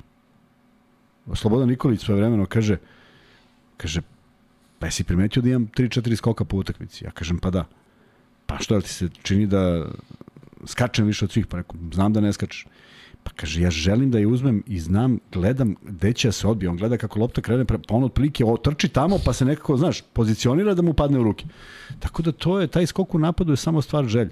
Taj preside je dao 12 pojena za 12 minuta. Tako je. Sigma, maestro košake. 15 pojena, 6 skokova, 7 asistencija, 25 minuta. I Blat 16 poena. Ne znam, tog Blata ja ne mogu da kažem da ne miriše, međutim prenosio sam njegove mečeve kada čovjek šutne tri airbola za redom. Mislim, jednostavno neke stvari i drugo neki čudne. On jeste onako interesantan, ima neke lucidne varijante, ali ponekada E, ali povrh svega je pitanje da li bi se neko od njih, osim Sikme, uklopio u bilo koji drugi sistem koji nije taj sistem. Tako je i da li bi oni bili pojačanje u pravom smislu reči. To je ono da, što je, što je, što je, znaš, kad ti nešto napraviš da godinama traje. Neko je dao poverenja Itu, pa je neko dao poverenje Gonzalesu, pa oni to cepaju i tu se menjaju igrači koji se ne prezivaju ovako nego ovako, a on iste građe, ej, isto sve i puni pali.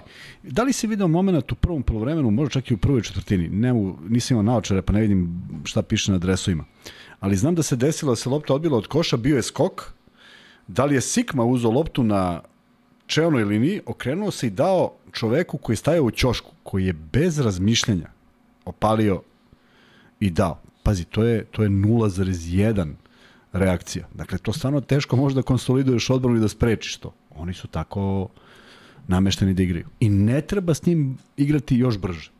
Jer samo ih uvodiš u jedan dobar ritam. Oni će da ispale 100 lopti, pa uz dobar procenat ne možeš da daš više od njih.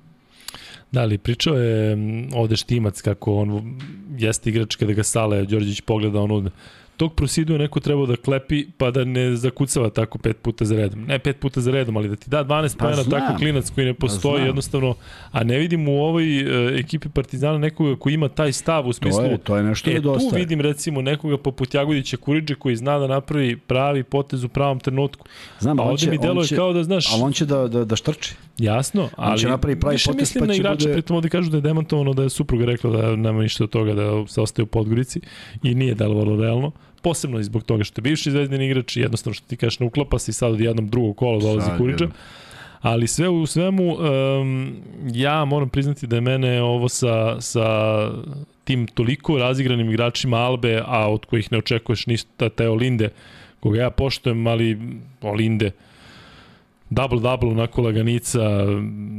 Ajde, Kumađe je specifičan, pa, pa njega ne možeš ni da porediš. Međutim, baš svi igrači Albe su se ne samo upisali, nego najmanji broj poena je bio 5 poena, dakle, bukvalno smo ih razigrali sve. Ali dobro, uh, ajde da postavimo jedan free bet pa ćemo da se vratimo na Partizan da malo samo uh, i uključimo gledalce. Dakle, kako se zove, može, uzmem imaš nešto u glavi ili neki Beoči nešto da kažeš, koji, kako je BFC, kako je BFC odigrao 1654. polovremena, Ovde javlja da je Beočin je pobedio danas e, ekipu, nismo, nisam Nisi vidio. zapamtio koga smo pobedili? Nisam. ja, odlaziš, odlaziš demonstrativno. Odlazim samo da kažem, evo, Luka Kuzma, bar jedna dobra veza za večeras, KK Beočin upisao drugu pobedu ove sezone u drugoj prvenstvenoj utakmici KK Beočin, KK Vetanik 1998, 95-73, Branislav Pojić. Ne znam ko je, ali to onaj momak što radi, ovaj, pošto se ja dopisujem s ovim beočincima, pa samo da. da ne kaže da li on. E, ovako. Ajde, neka bude... E, neka bude, koga je pobedio? Be... Kako se zove otac najboljeg strelca utakmice Partizan Alba? Eto. Malo da vidimo ovaj, koliko pratite. E, evo jednog komentara. Sve čestitke Marku Vlahoviću, novom komentatoru utakmice KK Partizan, baš je bio odličan slažu se i ostali. E, ja sam radio Barcelonu pa nisam stigao, ali ne čudi me. Pričali smo i tokom prepodneva i čuli se i rekao je da, da, da jedva čeka i drago mi je što je eto to bar dobro u, u porazu Partizana. E, ovde kaže Dejan Andrić, Partizan nema dve krštene akcije, sve se svodi na individualni kvalitet stranaca, odbrana Partizana je tragikomična, defanzivni skok katastrofa. Zaista deluje da nema tog nekog protoka, ili možda je to normalno za početak sezona, ali deluje da Partizan igra onako jednostavno, ali jednostavno u smislu daj ko prvi uzme loptu pa ne gleda kako što eventualno se odigra neki pik pa ili eventualno šepa. FS isto tako. Samo je FS FS, zato što imaš Vasu i imaš ovo. ali, ali isto da tako igra. E pa sad je to, e, vidi, Zvezda, Zvezda je kako god i možda se oni upletu u nešto što, što, što im ne daje baš mnogo prostora za da izađu iz svega toga, ali tu postoje neke kretnje. Pa nešto uradi ovaj, nešto uradi onaj. Nekako mi se čini da je u Efesu apsolutno sve na vrhu reketa, kažu da postoji nenormalan broj akcija sa različitim završecima, pa su išli na nekih 100, ne znam, ja, ja ih ne vidim, možda ja i ne razumem, nije to mnogo važno, ali mislim da je pojednostavljeno i da, da, da, da, da je bukvalno ko se nađe na toj poziciji isto kao što je preuzimanje postalo sasvim normalno, da uopšte ne, ne, ne pokušavaš da, da izađeš. A imaš pritom od 12 igrača možda trojicu koji to mogu zaista kvalitetno da urade, jer su gabaritni veliki, pa mogu da čuvaju malo, pa su snažniji, pa mogu da čuvaju višeg. Ovo sve ostalo si uvek u problemu gde su nam treneri zabranjivali po svaku cenu da preuzmeš kad je razlika velika. Sad mi deluje da, da, da svakako ide, E, tu onda treba bude zamisao kako to braniti, pa kako udvojiti. Zamisli kad neko zaspi u svemu tome, a zaspi mnogo često, onda ti je još lakše da poentiraš. Da, tačno odgovorio Vuk Grbić, očekivano. Vuk Grbić koji odgovori Davids, pa David, pa doda Blat, dakle ja u njegov stvarno stream, ja mislim da on ovaj, u sekundi prati sve i ne znam kakav internet ima ili kako već to ide, ali Vuk Grbić dobija e, dobija naravno free bet od 1000 dinara prvi danas. E, kaže Damir Bećirović, Luka, nemojte da zaboravite onaj e, KO Greena, pričat ćemo ja i Vanja, čak će Vanja da dođe da sedne ovde sa nama, što nismo imali još od nekog 16. 17. podcasta, tako da ovaj, bit će tu Vanja, ali razlog što će dođe da sedne i što ćemo imati onaj krupan, krupan kadar, to je zato što mu na njegovoj poziciji ne radi mikrofon, tako da radimo se u svakom slučaju, imaćemo o čemu da pričamo. Piti ovde za koga navijaš i piše Luka i Kuzma su zvezdaši, da, ne možda ja kažem, meni najveći, najveći kompliment to što ljudi ponekada ne znaju za koga navijam, ali uh, ono meni, što ću reći... meni isto kad ne znaš za koga navijam. Kako ti je rekao onaj, alo, majmune, izgubila zvezda. Izgubila zvezda, a? E, ja i Kuzma navijamo za e, različite timove i mislim da to našem podcastu daje poseban, poseban šmek. E, u svakom slučaju, e, Kuzma, Šta je danas pozitivno iz ovoga svega što se dešavalo u Partizanu, osim što se fizički vrati u Euroligu? Da li to što smo dobili, odnosno videli smo koliko otprilike može Exum, Ali šta još, ja pokušam da izvučem nešto ne, pozitivno ne, i ne uspevam mnogo da toga. Sad ću reći zbog čega nema mnogo toga. Ne zato što navijam za Albu. za Albu, nego zato što uh, uh, suviše lako javnost ulazi u to nešto što se zove Euroliga. i suviše lako pričaju o tome, u, znaš ko je došao, pa to, pa znaš da smo pobedili ove i one. Kad bi to tako išlo, pa to, ja ne znam što bi neko pravio pripreme, samo skupi igrače i oni igraju. I mislim da su bila prevelika očekivanja, a da je na moju veliku žalost postoji ovaj odnos gledanja u, u suprotni tabor, znaš. Pa, pa navijači Partizana kažu, u, dobro je, ovi igraju sa Efesom, ej, on, oni će tek da izgube. A onda se desi ovako jedan, jedan kontra rezultat koji ne odgovara onome što je bilo zamišljeno i sad su svi u nekoj teškoj panici. Prvo, Alba nije ma koji tim sa tim iskustvom, igra na domaćem terenu. Svaka pobeda u gostima je kao kuća. Drugo, uh, Partizan je nov tim. Bez dva igrača koji su bili osnovac prošle godine, znači čak noviji od novijeg, jer nemaju ni te igrače koji su ušli u neke sisteme, sa rovitim playmakerom, sa drugim rovitim playmakerom, koji je bio poređen do pre 7 dana, i sad kao iznenađenje, što je možda iznenađenje, najveće iznenađenje što je primljeno 100 poena. Ali, s druge strane, ovo što je spomenuo, ako, ako se kreće utakmica sa tri igrača koji imaju zajedno, koliko imaju? Imaju 50 godina, nemaju. imaju više. Imaju 54. Ako kreneš utakmicu s njima, onda ne možda očekuješ tu čvrstinu. Četvorica plus jedan taj, da, ali njih trojica, međutim, i za to je za poštovanje, zato što ne mislim da je to uopšte prouzrokovalo lošu igru a, Partizana i ako se vratimo na ono, a ja često slušam šta priča Obradović i vrlo redko sumnjam da to što hoće da kaže i da, da, da pokušava nešto da, zavi, da uvije, uh, On kaže da je najviše zamera za drugoj četvrtini da je bio samo jedan faul. I to je činjenica. Ne možeš da gubiš 30 razlike i da imaš jedan faul. Prosto moraš da uđeš i da se pošibaš. Problem je što u takoj brzoj igri, koju ti takođe forsiraš, dolazi do mnogo otvorenih šuteva, ne mogu da stignu da naprave faul. Jer par puta je lopta u Albinoj igri išla pap, pap, pap, ti, ti možeš samo da ga gledaš. Jedino ako možeš da ga prepadneš, da ga da namigneš. Um, Ovdje kažu da je Andjušić bio dobar jeste, bio je dobar jeste. za prvi meč 14 poena, nije čak ni igrao možda koliko sam očekivao, ali to možda ima veze i sa nekom tom većom razlikom u posljednjoj četvrtini. E, mene plaši Panter, zato što e, dešava se ono što, što nije dobro, da imate jednog igrača koji šutne dva puta na početku i ozbiljno je promašio obe, obe trojke, dakle, jedno da je lopta kačila da. obruč, ide sa strane i onda nekako ubaci celu ekipu ubaci u, u taj loš ritam. Tako da ne znam, nadam se da će Panter da se izdigne iz svega toga, on će sigurno imati utakmice kada će biti najbolji igrač Partizana, ali ne dopadaju mi se te oscilacije Pantera, moram priznati. Tako da ovaj treba tu biti oprezan. Ovde kažu kako uvijek isti ljudi dobijaju free bet i kako bi trebalo random da delimo. Da, vidimo da se pojavljuju iste imena, svaka čast tim momcima, shvatam da vi ostali ne možete da stignete da se, da se da parirate, ali šta da radimo? Možda nađemo neko rešenje da i, i, i random delimo, ali onda će biti ono ja se ne kladim i ostalo, tako da e, za sada za sada ostaje ovako.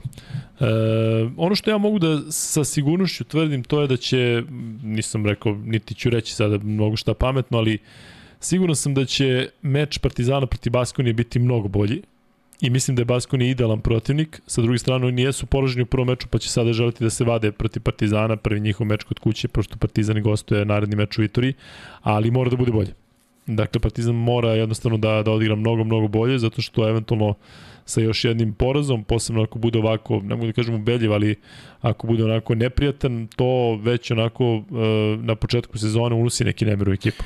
Unese sigurno, zato što... Što treba posle da se vadiš protiv Armanija i, tako i Virtus. Tako je, nije, nije, nije lako, i, ali hajde da pogledamo, i Virtus je izgubio, ali izgubio, jesno? Izgubio je, razvalio ih. Izgubio. Tako Dobio da, 15, mogu da bi 30. Devet pobednika ima i neki rezultati jesu to tvoje devet pobednika ima. Si negde čuo? Koje? Devet pobednika ima, to je tvoj patent. Da, danas, sad sam smislio. Sad, ja? Aha. Dobro. A kako zvuči, a? Devet pobednika. Ja mislim da Toliko jednostavno, a toliko onako šestosmisleno. Š, vi šestmisleno od šestosmislenog. Uh, I naravno da kad uđeš u jednu takvu seriju ne valja, uh, ali I bio bi možda isti osjećaj da je Partizan izgubio pet razlike, a opet nije isti, jer si video nešto. A ovo je u stvari ovo je utakmica u kojoj nema mnogo toga da si video. Uz, uz svo uvažavanje Andjušićeve igre, uz neku borbenost svih igrača, ali prosto ta, ta druga, to drugo polovreme nikad nije merilo kada gubiš, kada primiš 61 poen. I mislim da je s razlogom bio nervozan Obradović u tom periodu, a opet to drugo polovreme, pazi, sad, jeste se spustio ritam utakmice, ali to je 39. Što je velika razlika. Da. E, ljudi često govore, da, ovde me pominju da je Baskonija dobila, dobila je Baskonija Valenciju. Da, da I da, imaće... Ja sam i mislio da si da, da, lapsus. E, jest, ali e, ono što meni deluje kao potencijalni problem, a ljudi su pred početak sezone stalno govorili o tome da li će Panter i Naneli da ga guše jedan drug. Ja pre mislim da Panter i Andjušić mogu ozbiljno da guše jedan drug, zato što tu potencijalno imamo ozbiljan broj šutnutih trojki. Znamo da i jedan i drugi mogu da uđu u fantastičnu seriju tome, i da. volao bih da, da Andjušić bude taj koji će se tu možda izdvojiti kao neko, zato što ne igrao... dopada mi se da Panter bude lider Partizana u Euroligi. Za Eurokup je to možda i okej, okay, zato što je ipak malo slabije takmičenje, ali ovo je možda preveliki zalogaj. Znamo da je Panter bio dobar u, u Armaniju, znamo šta je radio, sve to okej, okay, ali ne sviđa mi se toliko oslanjanje na Pantera i iskreno mnogo više volim kad je lopta, evo već sad na početku u rukama Egzuma. Dakle, vidiš ti da on onako proceni situaciju, pa krene, Panter radi stvari na pamet i ono što smo mi pričali, onaj šut protiv Burse, Dakle, on kaže ranije, on je pogodio ni šut protiv Juventuda za pobedu koji nije bio previše rezonski. On isto ide promena pa se podiže preko ruke, to nekada uđe, nekada ne uđe, ali valjda je logično da ideš da ideš da priđeš košu. Exum ide na tu varijantu da ide na, na, na, na ulaz. I zato sa Panterom ta nesigurnost, to mi se ne dopada. Je li imaš statistiku ispred sebe? Mm, nemam trenutno, ali mogu da ražem za 6 sekundi. Zanimaju me, zanimaju me Šta treba? Pa Andjušić, da, da. i, Andjušić i Egzon koliko su potrošili lopte?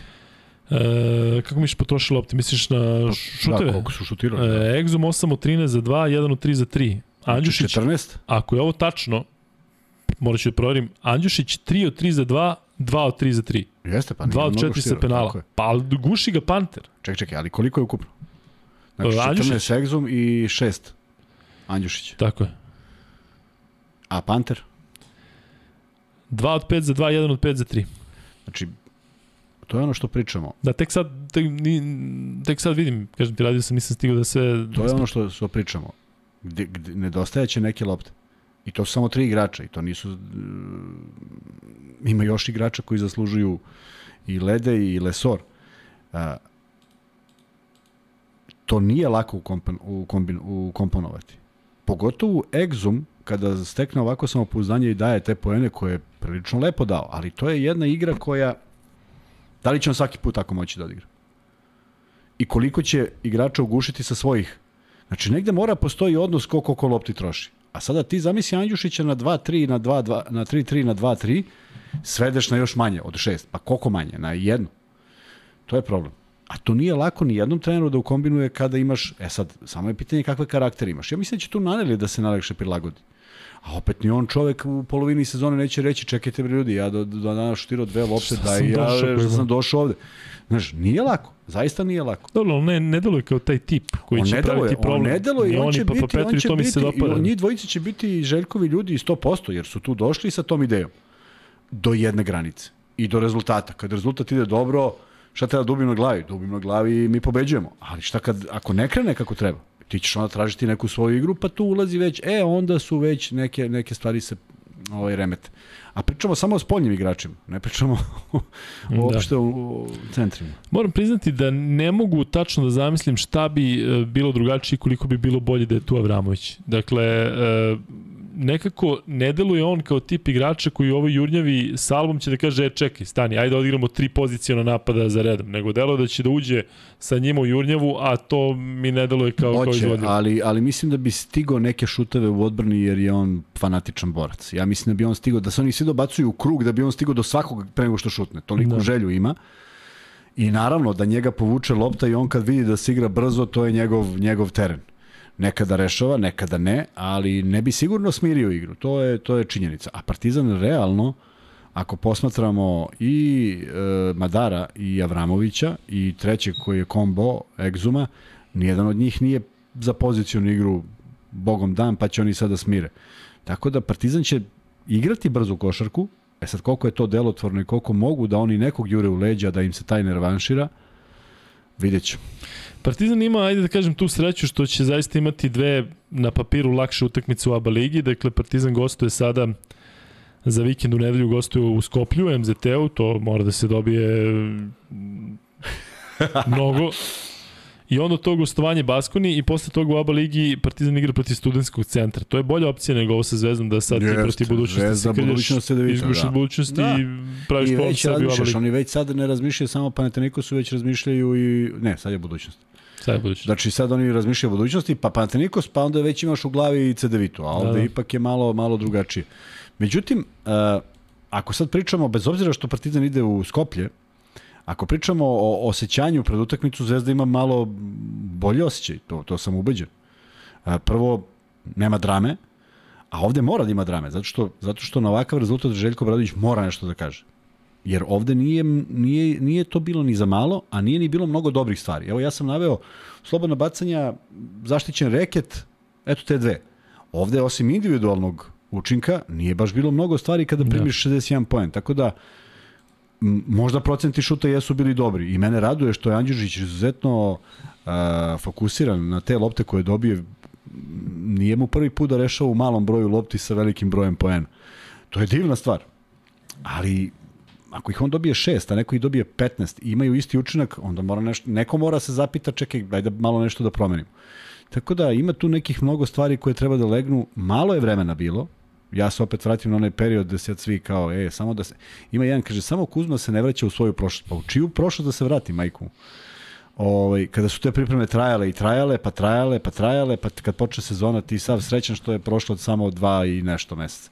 Sad je mnogo kraći period, mnogo je teže adaptirati se, mnogo je teže postaviti igru i ja sam duboko ubeđen da će protiv Baskonije, ne računam MZT, iako će i tu da bude neka muka da se, da se otkrave posle ovog poraza, ali, ali očekujem drugačije izdanje protiv Baskonije. Ne samo što je pred domaćim navijačima, već to stvarno mora da izgleda drugačije.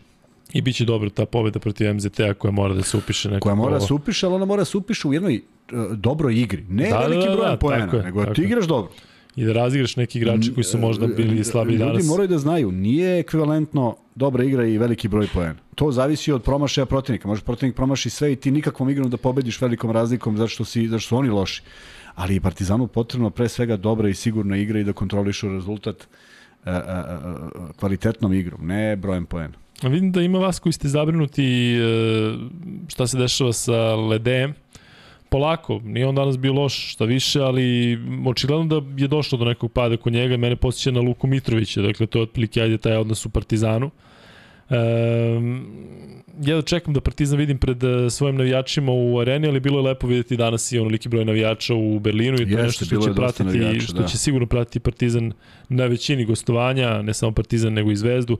Znamo koliko ima e, naših e, ljudi po svim tim gradovima gde će se igrati. E sada, e, ajde da pu- ispucamo još jedan free bet. E, prvi je e, bio u vezi Partizana, pa ajde nek bude e, drugi, hoćeš da vratimo na Zvezdu ili hoćeš da bude Partizan? Sve jedno, a? Misliš da u 1.55 ne treba da vodimo raspravu oko toga Ne kakav uopšte. free bet? Da. Drugi free bet je sledeći. Nabrojite petorku Partizana koja je počela meč protiv Albe. Dakle, to znam da onda ste pratili. Petorka Partizana, naravno bilo kojim redosledom, koja je počela meč protiv Albe i dobit ćete free bet. Molim Gvozdića, Andrića, Grbića i ostale daju šansu i drugima da imamo neko novo ime. Znači imamo neko novo ime, neki Petar Misaljević.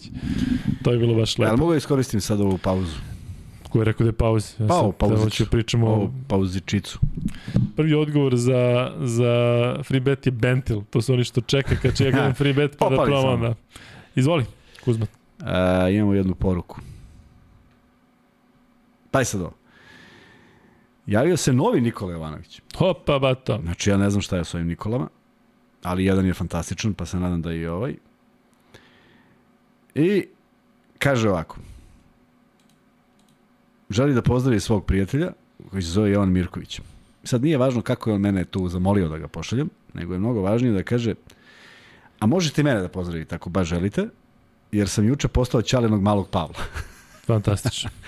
Uzgred, moje ime je Nikola Ivanović, devojka se zove Ana. Eto, pozdravljamo Anu i Nikolu i Jovana i neke sa srećom. I ako dođe neko... Ma divne su i slike što nam šalju, bre. Vidio sam Fenomenalno, ono, da. oni klinci i ovaj, bre, bulldog, šta li ono... Što ti- spava straža, a? Sjaj. E, I ako se uskoro bude pojavio još neki novi član, neka ne zaborave da su i Luka i Vladimir jako lepa imena. Opa, vata, a? Pa naravno, Znači da, to, da kuglujemo ali- čoveče. Ali da spoje. Luka Vladimir. Luka Vladimir, Što da. imaš, ono, Dejan Petar. A, da? Vladimir, Lu, Tako Lu, je. Ludimir. Tako je. E, petorka koju si ti naveo, D'Angelo prvi si, nije tačna, zato što Andjušić nije bio petorci. Dakle, petorka je Vukčević, Pa kako sad čitaš? Nemoj čitaš dok neko ne odgovori. ne, milion odgovora, Nemoj, nemoj, gledam nemoj. ko je prvi. E, ti to hoćeš da, da produžiš podcast dodatno, a? Da, hoću da trajamo do... Da. Martin Miletić kaže Koprivica, Vukčević, Egzum, Panter i Trifa. Martin Miletić je odgovorio prvi tačno. E, nije Andjušić startao u petorci. Tako da, Martine, šalješ Martin ID. nije bio nikad. Eto. Eto. Martine, MaxBet e, nalog, ID, šalješ broj na Luka i Kuzma Instagram. I Kuzma, kako su aktivni ovi naši na Instagram, majmovima i ostalim? Odlični su, opet su pravili Sjajno. neka čuda. Aha. Fantastično. E, baš mi je drago. E, imamo još jedan free bet, imamo malo da popričamo o onome što nas čeka za vikend, imamo da pričamo sa Vanjom o NBA ligi sa akcentom na ovome što se dešava u Golden State-u. Ajde Kuzma onda da se samo okrenemo o, malo tim protivnicima o kojima ćemo pričati naravno u ponedeljak. E, da li je za Zvezdu dobar protivnik Panathinaikos i dolazak Radonjića u Beograd? Šta reče? Zvezda, odnosno Zvezda, zemlja zove Kuzmu. E, da li je pravi protivnik za Zvezdu Radonjić koji dolazi sa Panathinaikosom u Beograd? Znaš šta, bit će to interesantno ovaj, i verujem da će ga navijači pozdraviti kako doliči. Mislim da će biti oni koji će zviždati. Uvijek ima neko ko zviždi. A mislim da ne može. Prema šta od 6000 Pa uvijek ima sad dvojica. Pa dobro, možda, trojica. Možda bude to biće ko neko, meč. Da. Neće, neće, znaš, drugačije je to. Možda bude jedan. Možda bude jedan. možda ustaneš ti. Da, da. Uh, ali to, to, je, to je samo deo, deo uvoda i mislim da se susreću dve ekipe kojima je preko potrebna pobjeda. Čak mislim da je Panathinaikosu potrebnije. Zašto? Zato što, zato što se traži poverenje u taj klub posle dugog niza godina i videli smo tu posetu, a nekako mi deluje da je Zvezda ipak u dobrom naboju i da očekuju mnogo i da ova utakmica protiv Efesa nije nikak, izazvala nikakvo razočarenje. A bez obzira što je poraz od tri razlike, mislim da je Panathinaikos želeo da triumfuje nad Realom i da otvori sezonu i da se odmah zaboravi taj neki superkup koji je izgubljen. Tako da Radonjić u nezgodnom trenutku po njega i kako od- bude odmicala utakmica biće iz vižduka i na odluke i na gestikulacije. Uvek je bio simpatičan, sad Da. više, sad više mnogima neće. Ali mislim da će i on drugačije da se postavi. Ovde je bio svoj na svome, ovde ipak e, Ne, sada govorim ti, ne, nekako- govorim ti onim nekontrolisanim stvarima kad on igra Pa mislim da dok će leti lopta. to. Pa da, Zato što pa recimo on, Dule pa to je Vujošević, on. Dule Vujošević je bio u Partizanu potpuno drugačiji u odnosu na ono kada je otišao u CSKA. Dakle, sve je morao da tamo ipak e, promeni. To je možda E, do, sada do mislim da Duleta. je i do Radonjić, jer ovde, kažem ti, nekako e, ovde deluje simpatično u Zvezdi, ovde će možda delovati smešno. Mm, tako da, vidjet ćemo. Vidjet ćemo, ali u svakom slučaju veliki izazov za njega i mnogo mu je stalo da pobedi. Zaista mora da pobedi, a Zvezda mora da odgovori da naj, najsnažnije što može. Mislim da ovo što su pokazali da ako budu igrali tako da uz svo poštovanje Radonjiću i Panatanikusu, mislim da je Efes konkretni tim. Znaš šta sam siguran? Da će biti šta god da se desi. Što dakle, se smeo dok sam ja pričao? Zašto za? Nešto se ne smeo, smejuljio Ja sam, ja sam, nešto, nešto je bilo. Ali nešto si ti rekao, pa ne, za Radonjića. Zato što ljudi ne znaju o čemu, Da, o čemu pričam. Većina ljudi ne zna zašto bi bio, potencijalno bio jedan koji bi zviždao Radonjiću. Ove, ali sad se s onog vica, naš Meda i Zeka, kada stoji Zeka u redu, pa Meda dođe, pa ne znam šta, pa se Zeka napi, pa kaže šta je bre bilo, Da. pa ja sam rekao. E, možda bude tako. Ovaj, e, Partizan Baskonija. Taj meč e, za Partizan, ne možemo da kažemo da je biti ili ne biti, zato što sigurno nije. Nije. ali, Ali mora bude drugačije. možda bi bilo bolje za Partizan da gostuje tako nekom Efesu, pa kad pukneš, pukneš muški od neke ekipe, ovde sada opet moraš da promeniš, opet moraš da promeniš nešto. I o, samo sad promena čeka, čeka odmah. Koliko ima? Šest dana, ili ima šest ili sedam? Tako, U četvrtak kad igraju. Vidjet ćemo. E, ali, ali dobra stvar je što je Baskonija napravila break.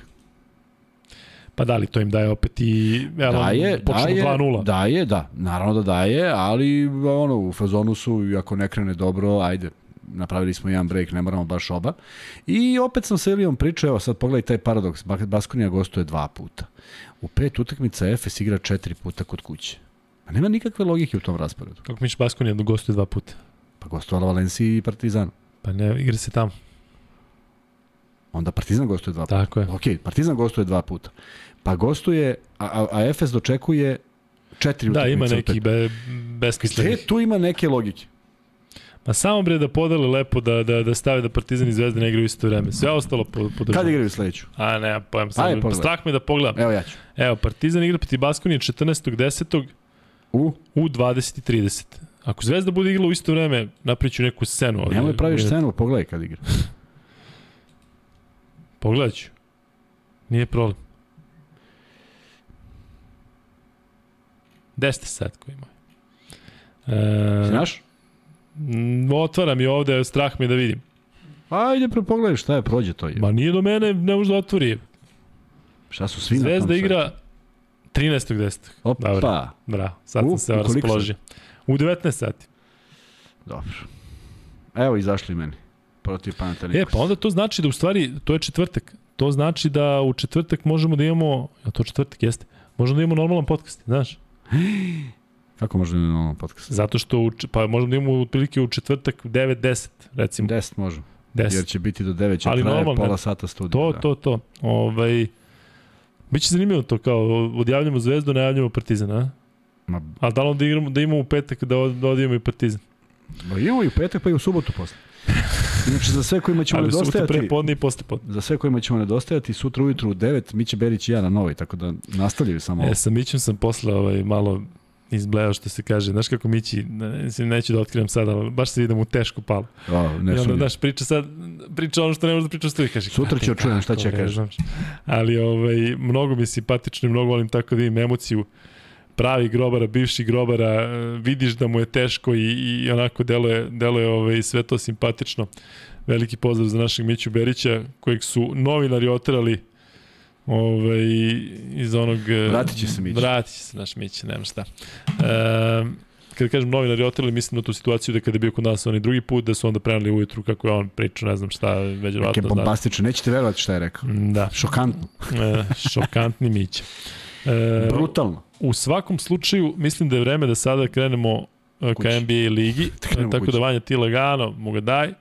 A Kuzma, mi možemo za, za kraj ovog euroligaškog e, odjevnog izdanja podcasta samo da prokomentarišemo mečeve Virtus Monako, pomenuli smo 66-83, Teodosić koliko čujem povređen, Barcelona Olimpijako 70-80 I evo, dve pobede danas e, domaćih ekipa, dve pobede gostiju. Neverovatno, da. Nažalost, nisu dve pobede naših Da. gostiju. Ali i veliko, ne mogu kažem iznenađenje, ti si spomenuo Olimpijakos, da li očekujem nešto, rekao sam ne, međutim ovo je već nešto dobro u najavi, pobediti, pobediti Barcelonu u gostima, gde definitivno... Ma Barcelona je katastrofa. Sve jedno, ali, Kuzma, ne znači, definitivno, ali definitivno znači da postoji neki problem koji smo mi svi negde tvrdo, samo da krenu, u stvari nije, ima neki problem. Imaš Kalinića koji 10 puta širi ruke i gleda prema ljudima koji ne znaju šta rade na terenu, dakle ne znaju da zarotiraju odbrani. Jokubaitis koji baca onaj pas koji ti voliš preko cele odbrane, da ako je ne preseče ovaj, Će, preći će onaj, onaj znači, drugi i treći. ali nema građenja, nema preuzimanja, nema ničega, znači faulovi koji se prave, selekcija šuta, selekcija svega, pritom Olimpijakos uopšte nije igrao nešto vrhunski. I ovaj, ali Kenan, kakav je ono šuter? Kakav je ono šuter? Dakle, on je sam, pogodio nekoliko trojke. Znaš, seća se prošle godine, mislim da smo bili na početku naših podcasta, e, kada je Unix igrao protiv Barcelone tamo, pa je bilo nešto dva Pa produžetka, pa, nešto pa frka, pa jeste, Pa pa, pa pa da promašio. slobodno bacanje. Sećaš se, vriš? Kuzma, Sećam se ja nečega. slabije vidi, ali zato Ali pamćenje ga zato služi. memorija. Vanček, gde si Vanček? Hoćemo da ispucamo treći free bet ili ćemo da ga čuvamo za NBA? Vanja, hoćemo da Ispucajte, pa ja čuvamo idem, ali, NBA. ali nastavite. Svima u 2.06 i svima svejedno. Ajde ispucamo treći free bet, ali ovo je zaista za one koji su baš, baš ovaj, pratili i koji prate. E, dakle, ovo što ste rekli samo što je Kuzma rekao, e, sutra u 9 je tako na Nova S. Vas dvojica. Ko? Ti i Mići. Da, oko 9. Da. Tako da gledajte Miću i Kuzmu, pa onda u ponedljak Luku i Kuzmu, pa onda, A utorak, u, pa onda Kuzmu. u sredu Pa Miću Luka i Mića u studiju Pa Luku i, i Luku i Vanju. Vanju. Da. I onda tri na karte. Pitanje za free bet treći će da bude malo zeznutije. Ou. Dakle, to morate da, da ovo. I sada malo je subjektivno zašto sam ja prenosio taj meč. Koji košarkaš Olimpijakosa je dao četiri trojke u drugom polovremenu i to su mu svi poeni, bio je ključni, imao je 12 poena. Možete samo da stavite prezime i ko odgovori dobit će free bet, da vidimo ko je stigao da pored Zvezdi Partizana prati taj meč koji jeste bio jedan od zanimljivih derbija, ali naravno akcent kod nas bio na našim timovima. Vanja, ćeš dođeš ili da, da, ovaj, da vidimo da Kuzma priča malo o Draymondu Greenu? Si vidio taj, taj Vidio sam, da, opasno Ono, je. ozbiljna pesnaja. Ozbiljna. Znači nije ono ćuška, ono ne, je, ne, ne, ono je, ono je da ga povredi. i pritom kreće na njega posle toga da ga Da, još da nešto. nastavi da ga povređuje. Ono Ne je valja. grozno. Evo ga Vanči. Jel ima neka kazna za to? Larenzakis kaže Dimitrije e, e, top 4. Top 4 i live chat. Šta treba staviti? Live. Live chat. Jao, mama. Mama mia. sam ja live chat, tako da Pa okej. promeni live chat. Pa promenio sam sad će da bude ovo. Ne, isto je. E, Dimitrije Dojčinović, je li on slao? Dima, Dime. Dima nije. Dimitrije Dojčinović je dobitnik trećeg free beta i pogodio da je Larenzakis. Vidim da ima ovde dosta odgovora i svakam čast. Vidim da pratite kao i obično. Vanja, ti si veliki fan Draymonda Greena. E, ja te iznenadilo ono, bre? Ono je, bre, pe, Šok, ono je... ono kautirao ga. A pritom, vidiš da Bukvalno kažu da je, kasn, da je toga bilo i ranije. Mo- Pa, kakav bif su imali, šta god da su imali, ovaj nije mogo ništa njemu da kaže da izazove takvu reakciju. Pritom, Ono je, vidio si on priča. Sve bih dao, ne bih baš dao sve. Znaš kako još sve bih dao. Ali bih volao da znam šta su pričali. kaže se, šta god da su pričali, sigurno nije spomenuo niti nešto vezano za porodicu, niti bilo šta. Pool. Nema teorije. Ma, To njih dvojica su brigli za isti koleđ, bi trebalo da imate Nisu, je Nije bio Michigan, a ovo je Michigan State. Michigan, Michigan State, da, Nema ni to Wolverine, veze. Ovaj, To je Da. to rivalstvo, zato Da. su se i pošibali. A, Gde si ti bio na koleđu u? Michigan State?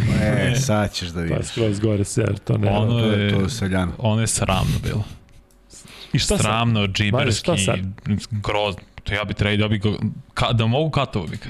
Da sam vlasnik. Ne, ne, ovo ne ide na Steve Kera, ide pre, na vlasnika. Pa se do, Vanja stavi pol, da li biste predali Draymonda Green? ovaj, ne, ovo ne je stvarno sramotno. Sramotno i problem je jedan je s pulom jer ti što vidiš da ti se Green približava, moraš prvi ga udariš.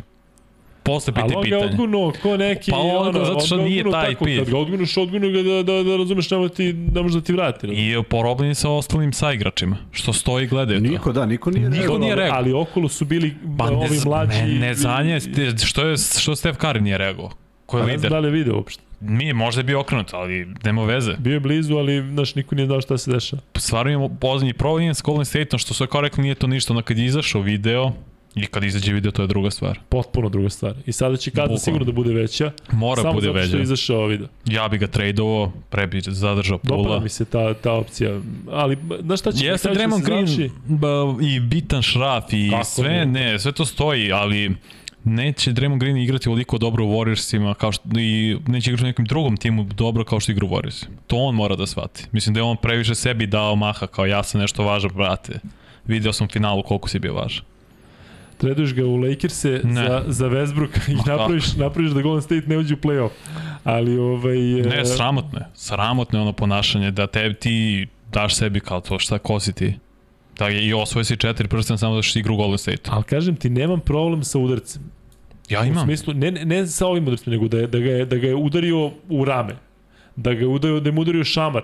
Nego što kaže Kuzma, udariš da ga povrediš. Da, da. Dečku bre glava, glava ovako No, odiš. kontu- no, kutiran je bio Još 100%. pritom krećeš I na nastavio je, njega. nastavio on je, da, on je, znači krenuo na njega da ga sada razumeš tu još ne znam šta. Ako može još jednu. Meni nije tako da meni delo kao ga je uhvatio jer je shvatio u tom momentu čim ga je udario da je koliko je Misliš, pogrešio. Da, ja mislim da je to nije Ja, ne. mislim da je ono, ono tačno, mislim nokaut, meni delo na da ga ko, nokautirao. Iskreno. Uh, imam jednu prigodnu anegdotu. Ja da čekam Šta ovo je da bilo čujem. PFC-u i Da, ko je koga udario? Da pričamo. Samo ne mogu setim da li je ovo Kandi ili Lamar Odom. Ko igra u Clippersima? Olovo Kandi i Lamar Odom su igrali borci. Obojice igra. Evo bojice, e, jedan od njih dvojice. I sad slušaj for. Znači, nema veze jedno s drugim. Olovo Kandi i Lamar Odom. Ima kako, pa zašto ne znam, I? vrlo Jel slično. razlikuješ njih dvojicu? Razlikujem ih da, nego ne mogu setim ko je bio u priči. Aha. A obojica su bili, pa samo ne znam ko je. I sad Igor je bio pomoćni trener. Mhm. I dobili su da rade svaki trener sa nekim sa nekom ekipom. Samo polako, E, ne, ne, da. e, eto. Sa, sa, pojedinu, sa par igrača, 3-4 igrača rade stanice. I sad jedan kondicioni mm -hmm. trener je sa Lamarom Odomom. Ili Olovo Kandijem, potpuno nevažno za celu priču. Jasno. I kaže, Igor sad radi sa svojim igračima i čuješ neku čarku nešto. I ovaj mu trener kaže, ma ti moraš ovo ono. I kaže, pesnica direktno u čelo. To je Odom, pre Odom. Odoma. Da. I kako ga udari, ovaj čovjek padne, Asistenta. asistenta.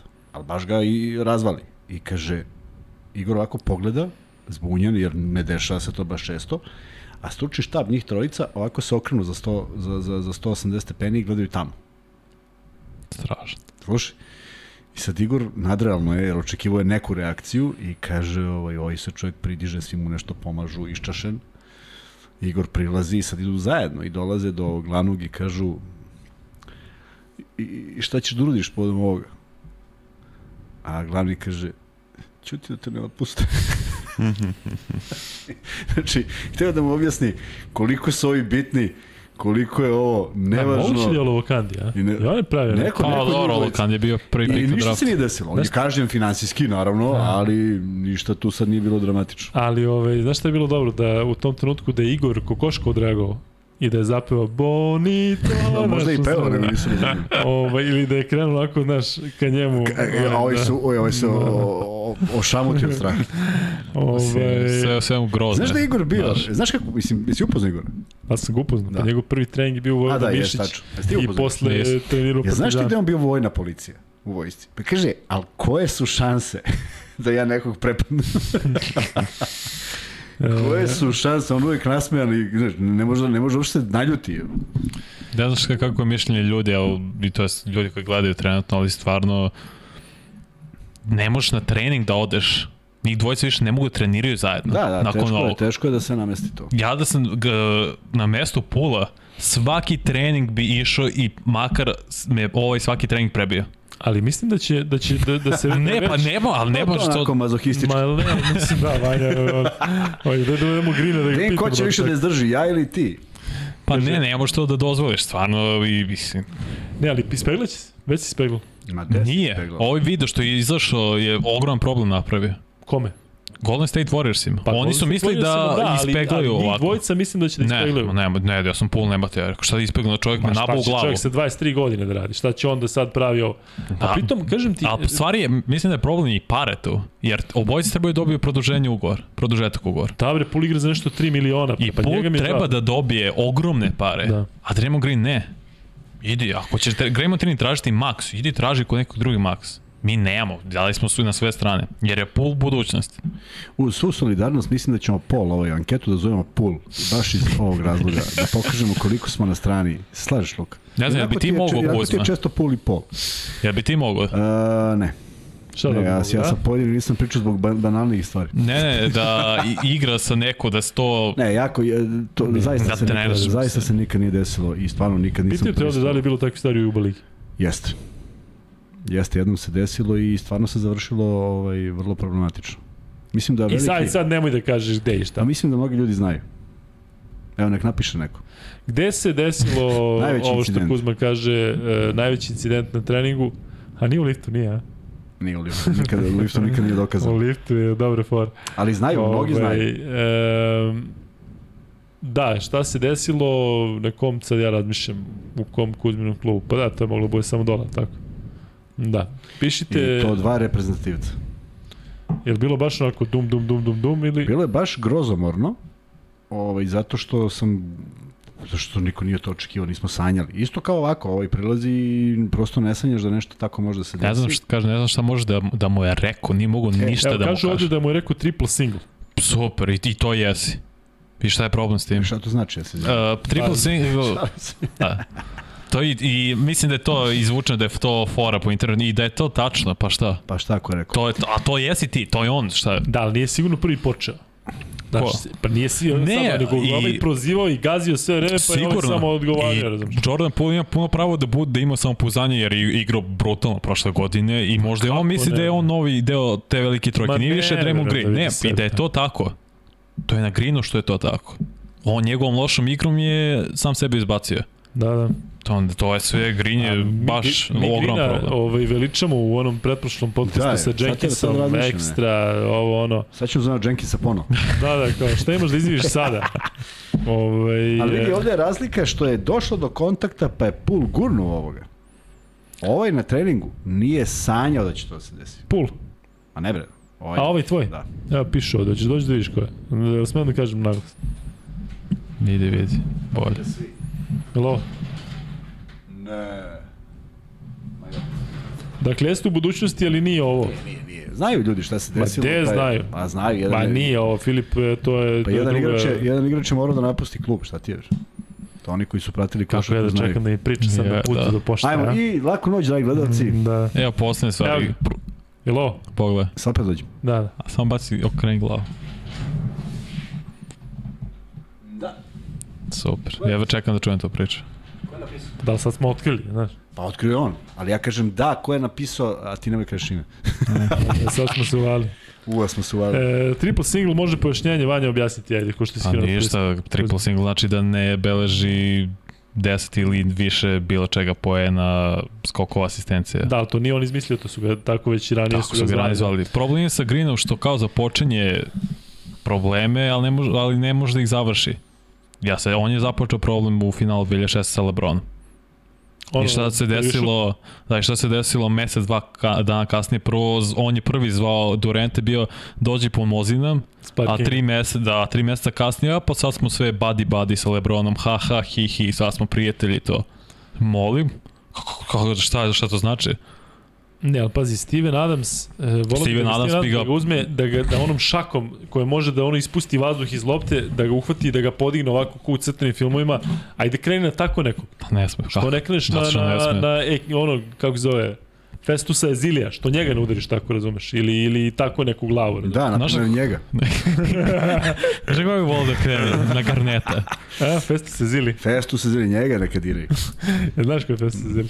Nije da. Znaš ko je garnet, znaš? Da. Ka, volio bi na garneta da krene. Ma, ali Garnet je, o, ono sa Pilerom, Garnet je meni tu što je ostaje. Seća se Piler? Da. Pa kako je ostao onako? Znači, Garnet koji je celu karijeru, pa onda kao sa Howardom, hoću da te dohvatim, hoću ovo ono, a Piler bato, pum, lakati i Garnet kao, opa, tu me, ne mogu da kažem razočarao, nego to se jednostavno ne poklapa sa onim što Garnet, ovaj, Jeste. Garnet donosi. Ali, Što ovaj, Garnet jeste, jer bio je stvarno... ali dobio, ba, dobio ga, jeste, jeste, ga je znam. Piler, pa je bilo, Znam za to. znaš, taj kako. A nije, ne pripada njemu uopšte u njegovom... u njegovoj karijeri nekako bez veze stoji. Kaže Vuk Grbić, e, bio i na svadbi sa Lebronom čak. Da, bio je Lebron na njegove svad, mislim, glup, Da. to je Draymond Green. Dobro, ali on mu je prišao prvi. On mu je prišao prvi da, da mu česte, znaš, da su se grlili kada je, kada je Cleveland... Ne, ovo, to, to je meni sve fake. Šta onda praviš? E, kako se Nešto zove onaj što ga stalno spominjao Šek? Ma? Kako se zove? Dwight Howard. Sprdo, sprdo s njim. Dwight Howard. A ne, Ne, misli nije, na ovog... A, Bože, gospod. A, Javel McGee. Javel McGee, Gde da. on sada? E, pa, u Phoenixu. Phoenix, Phoenix je dalje, da. On Javel McGee, bre, ima tri titula. Koliko ima titula? Pa i... Ne znam da ima Dve. dve. Dve, mislim, možda Da. dve. Čovjek, bre, ispade, sprdaju ga kao da je klovan, on... Ja, vredi, ove ima faktor, četiri, da. pa, ja. Da. Dobro. Zovite Dekija Milovića da pitate šta se tačno desilo. E, bravo, to bi Da. volao da Kuzma ga pita, ne mora da ide, Bravo. to je odlična ideja. Deki, Pa zovi ga sad. Idi tačno odmah sad. desilo? Ne, ne, uključi ga, uključi ga odmah. Odmah sada. Ove, a što ne krene Draymond Green na Deke Milović, a? Pa da ga ovaj katapultira, da ga vrati tamo gde, gde treba. E, pokušao sam sebe da ubedim nekako da, da shvatim Draymonda Greena i da budem na njegovoj strani. Ne da možeš, Zato što, znaš, kao da je to, da je to, znaš, ipak deo ekipe, pa te iznervirao, pa ti Nikako sa, rekao sa nešto. nema ne možeš opravdanja. tako. Pritom mlađi, mlađi, znači zna se kako ti Koliko mlađi, trebaš da... 5-6 godina? Pa 23 godine ima pul. Možda ima 24. Znači još više onda stari. Gramer. Mi, mi, znači mi kao klinci, prva godina srednje, osmi razred, to se nama jednom desilo na treningu. Kao klinci. I to nije, nikad nije eskaliralo ovo. E, mi klinci debili. A Draymond Green daje sebi za pravo se zaleće na nemoj... Ali znaš šta, e, baš ću proveriti, e, Martin Miletić kaže da li je vaš nalog Luka i Kuzma kada delite free bet? Da, Luka i Kuzma nam je nalog, da, ovo sa crticama. Da, da, jeste. jeste to. Jeste Martin, Pa šalješ Martin mi na taj koji si napisao. šta da, hoće. da, da. Pa verovatno misli da odmah hoće da mu uplatiš free bet. Sada. Evo, evo, idemo u banku. Sački, kad, kad to Kuzma bude? Bude Evo, sutra. Dimi- kako si rekao? Martin Miletić. A, a evo ga, pa Martin Ali Miletić, ja verovatno sam stavio... refreshuje svoj nalog i misli da treba već da bude 1000 dinara. Ne, ne, E, ne. To će biti sutra, To tako? će sutra biti jako Martine, bude sutra. sutra. Ovaj, Sutra je subota, da znaju da možda zakasne jer je manje ljudi. Da. Ali E, baš ću, baš ću uh, pogledati e, to što kažeš da je prišao da ga podigne. Ni- Meni delo Meni je stvarno tako delo, jedino mi to pravi da kako ga udario ruka njegova, pardon, levo ili desne bile odmah iza njegove glave. Da, jer je ovaj dokutiran je bio. Da, ali sve je Da, okej, tako, puli je okej. ono sad. Ok, ali to je ono klasično kao dobio, to ne, ne si, sme. ne, video sam samo da izašlo, ali nisam ispratio tačno. Šta je Steph Curry rekao? Ne znam šta je rekao. Vi se izašla neka izjava onako, mislim da je malo okolo naokolo, možda pre, pre snimka. Mislim da je pre snimka nešto izjavio a, i da je podržao Pula, jer je bila neka priča da je Jeste, Pul jeste, e, nešto jeste, negativan, da, svi da, da, da Kerry i ovaj su rekli ne, to nije istina. Da, da, da. Model I treba da, e, mislim da je sada me, vreme da Kari i Thompson stanu na stranu Pula. Mora. Zato što kažem ti, e, vreme je da se napravi neka razlika. Jel ovako, Mora. slažem se da ne može da bude isto. Ti kažeš da je trade, ja se apsolutno slažem, ali ne vidim to kao opciju, u smislu da će zaista da se desi. Ne vidim nje, ja bi to Ali- uradio kao vlasnik, ne kao trener ni GM Bob Myers i Kerr, ne kao vlasnik Joe Lacob. Ali posle će napadati ako Golden State ne uzme titulu ili bilo Ne šta. zanima ono. uopšte. Da, ali, Uh, ako možemo za kraj neku lepu temu, to je ovaj dečko Viktor Wembanyama koji je Aj, wow. pričaš, da pričaš ovde pre podcasta da čujemo Wow, o ne, Banjami. nisam očekivao stvarno. ono. Ja i dalje ne očekujem. 37, pa Ja i dalje 36 ne mogu da ga poena. zamislim zato što vidim kako mu se povredi i Ne, kako... ali mnogo je čvršće građan nego Holgren. Mnogo i više i ovaj Gober stoji pored njega izgleda malo. Ali si vidio ti njegovi goberi i Banjama pre dve godine? Video sam. Ono? Dominirao je Gobera pre dve godine kao Ali ono ima 16 delo je da ako Gober uradi ovo da će ovaj da se, da se ono... Ali to je pre dve godine. Jest, istina. A I- možda ga zamisliš sad tipa ono da baš dobije malo i... Pa ne, on će Ne bi biti trebalo. građen kao KD. On je to sledeća ev evolucija, to jest, pa da, evolucija. Gde šta je sledeći? 2.41 i ono sve. Možda, ovo ima 2.24, pa šutira, ima prelep izbačaj, A lagan, kako ti se drips. čini njegov šut generalno? Ok, lepa Brate, on u mehanika. Lasvelu pogađaju neke table, mislim, ne kažem da je to... Da je I to... sinoć je Da pogađao gađao fade away trojke, pa mislim, za neku te Da. visine. I ovaj dečko drugi, Scoot Henderson, on isto playmaker, Da, ozbiljni skuče igrač. vidim da ga hvale svi, nisam stigao. Ozbiljnim, žao mi što se povredio jer baš se udario sa Vembanjamom, kola nešto povredio, ali obojci su igrali brutalno u prvom meču, to su i prva dva pika na draftu. Da. Kad i Durant i LeBron i Steph Curry imaju tolike hvale za Vembanjamu, Samo da ne onda... bude neka povreda. Ovo ko se Nadam Zajona, se. sećaš se šta je bilo ko Zajona, gledali smo ga na tri I utakmice. na mestu je dečko, stvarno, či gledaš intervjua sa ESPN-om, sa NBA sajtom, ba, baš je na mestu. Koliko ima on sad? Ima on 19? Ne, 18. 18 još uvijek. Da, gde su klinac. Da, bit će zanimljivo pratiti, pratiti ovaj, sve to, ali da, Ja idem nazad. svi. Ideš nazad, da? Pa Ajde, mora bi da bi se ugasilo. Ajde, e, da se ne bi ugasilo, ode na Vanček. Kuzma, šta još imamo da kažemo Šta da za kraj? desilo? Ništa, da kažemo da, evo, počela je Euroliga, odradili smo ova dva dana, bilo je vrlo uzbudljivo i sa velikim zadovoljstvom smo čekali i jučerašnji i današnji podcast, iako je već skoro pola tri.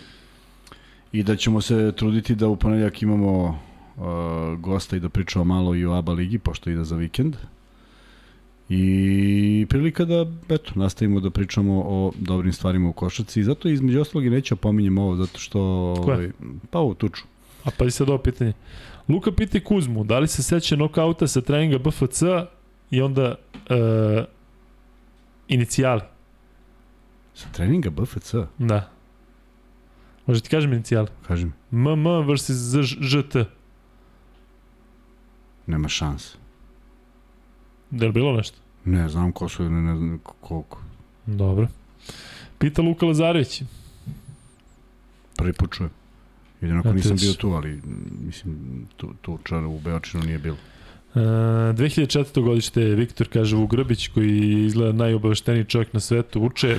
Daj piši, piši čime se baviš. Samo napiši.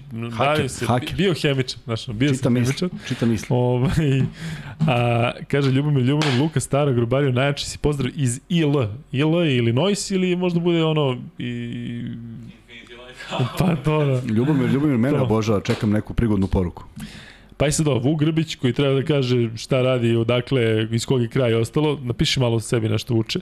E da, Marko, Marko Jeremić, molim te ako, ako si još tu pošaljenu poruku koja mi je otišla, da po, pohvalim ovog momka i on je rekao da je u 70 najboljih ovaj naš, kod iz naše ekipe Fantazija, ali Marko Jeremić je baš napisao uh, šta i kako. Uh, pitanje za kraj, da li planiramo neki specijal za 100. podcast? Planiramo sigurno, ali je daleko, planiramo i nagrade i sve i svašta, planiramo da vas uključimo, mm, vidjet ćemo kako, tako da, da, da bit će zanimljivo šef. Zato planiramo svašta nešto.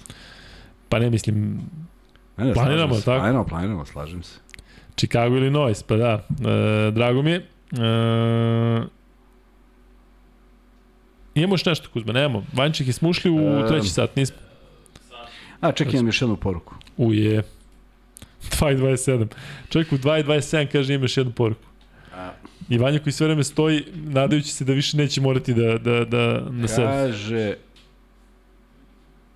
Kaže, Miloš Pavlović. Samo da vidite koga sam najavio prekjuče, ali Luka nije čitao. I daje screenshot i kaže da je ovo izašlo na tvom četu. Šta kaže? Timan Lamers kumađe, jedan od njih trojice će na centru eksplodirati. Ski, uh, Sikma preiskusa na četvorici Zosman, Olinde na poziciji 3, Lois Smith standardni, ali ogroman pritisak mora na Tamir Blata. On je najavio ovo. Sećam se čak toga, ali možeš shvatiti da toliko ima nepročitanih, zato što Kuzma, kad krene da priča, Kuzma nestane po 15 minuta, ode gore. Pa jok, nego zbog ne, koga je. Tačno je zbog mene. To je u stvari ne, najveći ja problem. sam naš. krive, ne, u pravu si. E, pazi ovo, e, Vuk Grbić kaže, tu sam ja iz Novog Sada, studiram dizajn, pratim sve ko lud, ništa ne hakujem bar za sada. Odlično.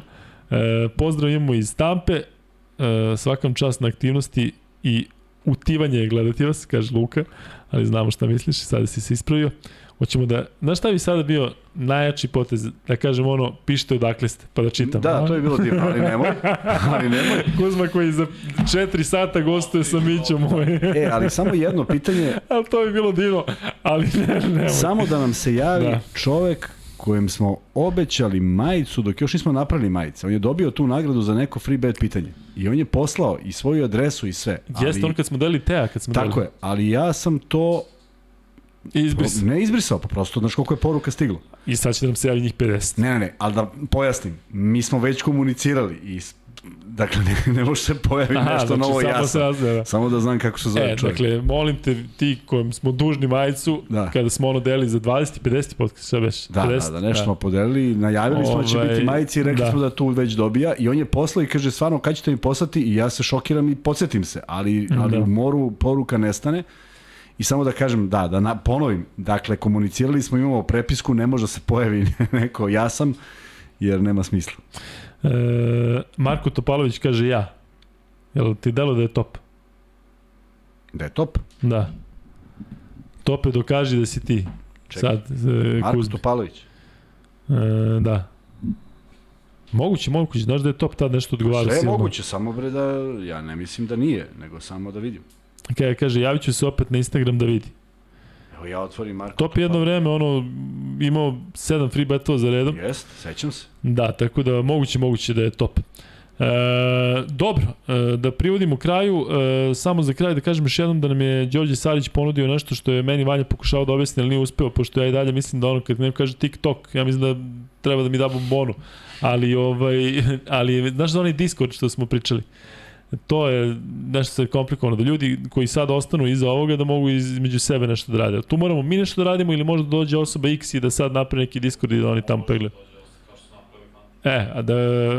Osobu ih. Da, ne, to je Đorđe. Sad Đorđe se ponudio da to uradi. Tako da razmišljamo i o tom Discordu e, i šta da vam kažem, ovo je 82. izdanje za mene posebno, zato što sam rođen 1982. godine, ali ovaj, kad, kad si ti, 71. Ja Jesi se, 60... jel te asociralo to kad si vidio 70, kad smo radili 71. put? Jeste, jeste, baš me Kako onako, ne, znaš kakav da, još uvijek o tome razmišljaš. Tako? Samo o tome i razmišljam. I žao mi je što nemamo vremena i nemamo snage da, da ukucamo da vidimo da li je neko nosio broj 82. U svakom slučaju ovaj podcast je završen, naredni radimo u, čet, u ponedeljak od 9, a možda... Tako je, bukvalno top, jeste, on je. E, hvala ti top- tope, šaljemo, legend. da, šaljemo. vidiš kakav, kakav je car top, Tako koji svi ovi naši, dakle, nije, ovaj, nije ništa silio i rekao je da je moja majica, nego smo se mi setili da ti smo ti dužni majicu. E, ali čekaj, poslao mi, trebalo bi da mi je poslao i adresu.